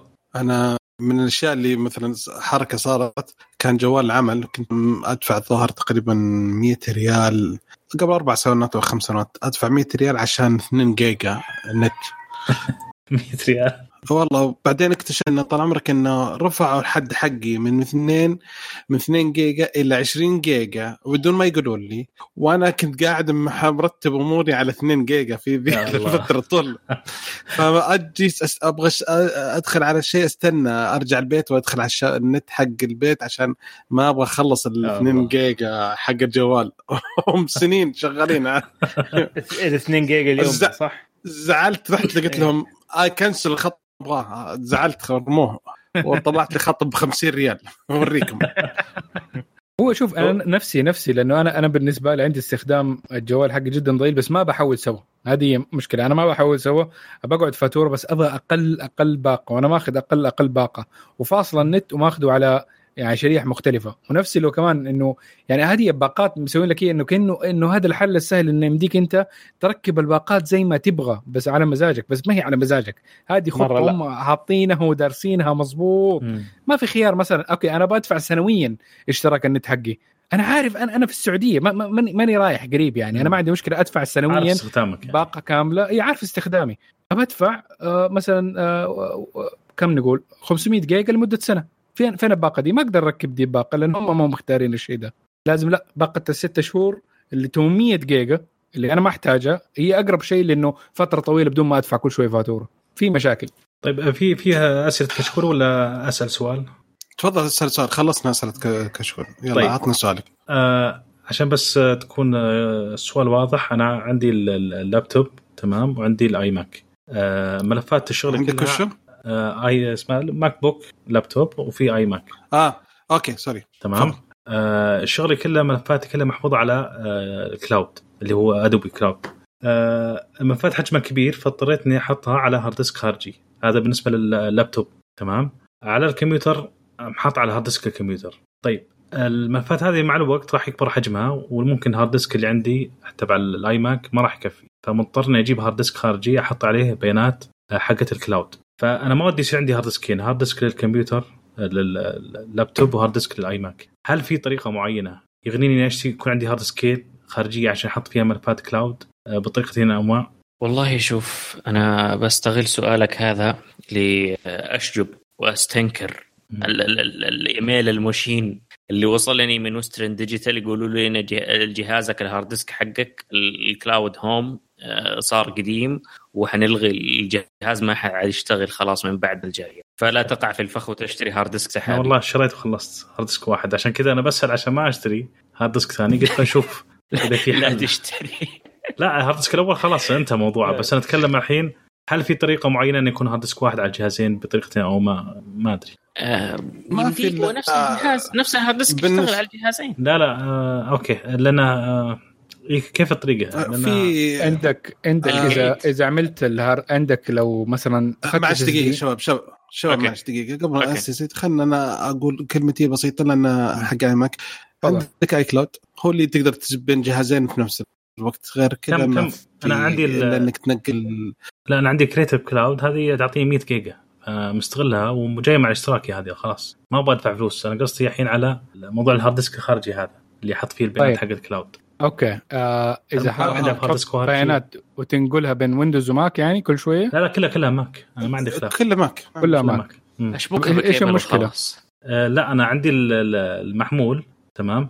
إيه. البيانات حجمها كبير ما هي راضية تكون على الجهاز كمبيوتر فجبت لها hard disk خارجي. آه، ال- ال iMac نفس الشيء البيانات راح تكون أكثر بعدين مع الوقت فبضطر بعدين إني أجيب hard disk خارجي عشان أحط البيانات فيه. طيب آه، اللهم صل على محمد. ال hard disk السحابي اللي عندك إيش؟ Creative Cloud تبع ال Western Digital. لا لا اللي قصدك البيانات وين حاطه يعني؟ في أي hard disk؟ إي. إي في ال Western Digital. آه، هو سحابي. لا هي البيانات أصلا على Creative Cloud بس لازم آه، تكون محفوظه على جهاز كمبيوتر مثلا أو hard disk خارجي. لا لا أنا لا أتكلم هو عن هو هو ما ما عنده حساب آه cloud ي. ال hard هو عنده hard disk اللي. عندك ما هو إيه، لا، ما هو ال hard disk خارجي hard disk خارجي إيه. لا مو آه، cloud. عشان كذا أنا قلت iCloud يصير يقدر يفتحها من جهازين متى ما يبي. iCloud لين يصير بس يشبك على النت وعنده مساحة. والملفات هو عندي ملف واحد حجمه كبير يعني هل هو آه على كل ما بغيت أفتح يسوي download هذا بعد قضية ثانية يسوي update اي لازم. أي هذا لا إذا لا ما لازم يسوي download ال download. هذا هو. أنا حجم عندي ملفات يصير مالك الا ما في إنك تنقل تشتري لك hard disk زي ال Samsung T7 أيوه. 1 tera بسعر 700 ريال. نحيف جدا بشكل غير طبيعي صغير مرة طيب. ممتاز. بيشبك على الجهازين secure وكل شيء. إي secure ويشبك على الجهازات ما عنده أي مشكلة. لا لا أنا أظن اللي أنت تحتاجه زي ما قال NAS ي انه تحتاج NAS. network attached storage حكاية إنه يمديك تشغال تشتغل على نفس الملف من جهازين مختلفة بالضبط. اذا حاب بالضبط هذا في نفس الوقت. اي NAS. إن آه في عندك آه أكثر من شركة تقدر تسوي لك NAS مظبوط فينا ال NAS آه. حاطه بعض المعلومات آه، ممكن نحتاجها. يا. مم. إذا تبي تبني واحد أنا أنصح إنك تبنيه بدون آه spinning rust وتحط لك SSDs تعبيه. حتى لو إنه السعة يعني حتكون مثلا 4 tera ولا شيء يعني قليل مو مرة كبير على السعر اللي حتدفعه. بس من ناحية الوظيفه وانك يمديك تشتغل عليها اونلاين آه برضو إذا الأجهزة حقتك تدعم 10 جيجا بت أو إنك يمديك تشبك عليها 10 gigabit cards ويكون ال NAS حقك داعمه 10 جيجا بت حيكون آه شيء كويس. آه، ال Synology غالي شوية يمديك تسوي. أشياء أرخص آه، منه يمديك تبنيها بقطع عندك لو عندك لابتوب برضو قديم ممكن تسويه بيه في في حلول أخرى غير ال Synology ال Synology شوية غالي FreeNAS لو تسوي FreeNAS عندك يا. أوه حيحل لك أزمة وتصير access من أي مكان عندك في ال network فيكون شيء شيء رهيب يعني. أنا قد جربته قبل أنا حطيته بصراحة كيو آه، FreeNAS على virtual machine. كان بطيء شوية لكن جبار آه، QNAP برضو غالي على فكرة. آه، بعدين هذول كلهم هذول س- آه، آه، أنا أتذكر هذول دقيقة. ال Synology أتذكر عندهم حلول صغيرة. QNAP ما شفتهم إلا في server أو يمكن anyway بس غالي. FreeNAS على لك. كمبيوتر قديم حط آه، وحط آه، هارد ديسكات وأمورك في السليم. يا. okay وبرضه حيكون عندك redundancy هذه أحلى حاجة فيه إنه تعتبر. آه، إذا أنت أخذتها على اربعه مثلا SSDs حيكون عندك redundancy إذا زودتها ممكن على حسب ال- نوع ال encryption مو encryption المهم طريقة آه، RAID. ال RAID حق مو ال RAID برضه كمان إيه. حتكون كلمة غلط لو قلنا RAID بس إنه يكون عندك إنه حتى لو مثلا واحد من هارد ديسكات failed آه إنك يمديك تعمل recovery بطريقة سهلة. أو حتى. ممكن اثنين تقدر تخليها اثنين. أيوه. أيوه واحد يمديك منهم صح على ال errors ممتاز أيوه. حلو. الله. يوسف. هذا. أصلا إنه شغلك بفلوس يوسف. هلا والله هلا. سامسونج تي 7 1 تيرا خلى الموضوع. إيه هذا بعدين. لما يخرب والبروجكت الكبير هذا ده اي أنا ما فات مده اضيعها حرام والله. آه، بالضبط فتحتاج ريدندنسي آه، أنا طيب، قلت لك آه، أنا في- نصحتك نصيحة خوية بس. الله خير. اللهم صل على محمد في في تعليق على الحلقة اللي راحت في الموقع آه، قلتوا إيه. ولا لا؟ السؤال. لا لا ما قلت. آه، عبد الله الشمري آه، يسأل والنعم. تنصحون بجهاز MacBook Pro الجديد أو لا؟ إذا شايف إنه استخدامك okay. آه، تقدر تستفيد من حقته. أنا أنصح به بدر قاعد آه، يفرق لأنه شاشته جدا ممتازة. المداخل كويسة enough ما هي بطالة. آه، كجهاز بطاريته تقدر تقعد آه، ذا الوقت ومديك تسوي فيه شغل حقيقي. أعتبره جهاز جدا ممتاز للناس اللي يمديها تطلع قيمته منه. ال- إذا تقدر إذا في business go إذا استخدام شخصي عندك حلول ثانية. عندك. ممكن عندك ال MacBook 13 بشريحة ال M 1 حلو. إذا استهلاك بسيط جدا تلقى عندك ال MacBook Air مرة ممتاز. الجهاز والله حلو يعني بصراحة. بس والله السعر too much إذا أنت تبغى مواصفات عالية وشفت إن السعر قريب من سعر ال MacBook الجديد اذا فرقه ب 500 ريال ولا زي كذا تقدر. خذ لأن في أشياء كثيرة ممتاز. okay؟ هذا رأيي. بدر ممكن اعيد الاجابه حقتك احتمال ال stream وقف شويتين قبل شوية. أوه. أقول إذا كنت أنت يعني تحتاجه ك business وتستفيد منه ف go ahead في ال Pro. آه عندك احتياج بسيط أقل شيء مو مرة يعني مو باحترافي مرة. متوسط تقدر تأخذ ال MacBook Pro 13 بمعالج ال M 1 وإذا كان مرة أشياء بسيطة تقدر تأخذ ال MacBook Pro ال Air مرة ممتاز. مواصفات 1 يعني تسوي شغل مرة كثير. أنا صراحة أنصح كذا أغلب الناس ممكن عملية إنها تقدر تستخدم ال- اللي هو ال MacBook Pro آه 14 أو 16 آه من ذولاك النوع. آه. بس إنه معالج يكون ال ال مو ال Pro Max ال Pro العادي. أقل واحد. إنك ما ما ما صار لو تاخذ واحد ب 2000 الحين لو إنك تاخذ تقدر تاخذ ال 14 ب 2000 دولار وتركز 14. اذا تبغى storage ها؟ 13 13 14 الجديد 14 القديم إي 13 إي، أنا بتكلم عن الجديد. آه okay. أنا ال 14 أفضل واحد اللي ب 2000 لو تزود ممكن تكه storage أو ال RAM بس وخلاص. ممتاز. والله. 16 كفاية 16 كفاية. 512 آه، آه، جيجا بايت SSD كفاية برضو. إلا إذا عندك ملفات فيديو مرة كبيرة وقاعد تعمل four زي يوسف. videos editing وأشياء زي كذا زي يوسف ممكن واحد tera كمان أحسن. بس وهذه هي. تمام. كذا حلو. كذا وصلنا للنهايه آه نشكر لكم شباب حضوركم نشكر مستمعينا اللي جونا في يوتيوب ومستمعينا اللي يسمعونا على. البودكاست. أتمنى أنكم تساعدونا على الانتشار بانكم تقيمون على iTunes وتزورون الموقع وتشاركونا بآراءكم عن مواضيع الحلقة. ردودكم تهمنا دايم. نتمنى أنكم تتابعونا في ال social media على تويتر وانستغرام سناب شات وتسوون subscribe في اليوتيوب. زي ما شفتوا سوينا اليوم حلقة live وكمان تنزل حلقات مختصر تقنية كل يوم آه، سبت. وإن شاء الله نشوفكم على ألف ألف خير. مع السلامة. مع السلامة. باي باي. مع السلامه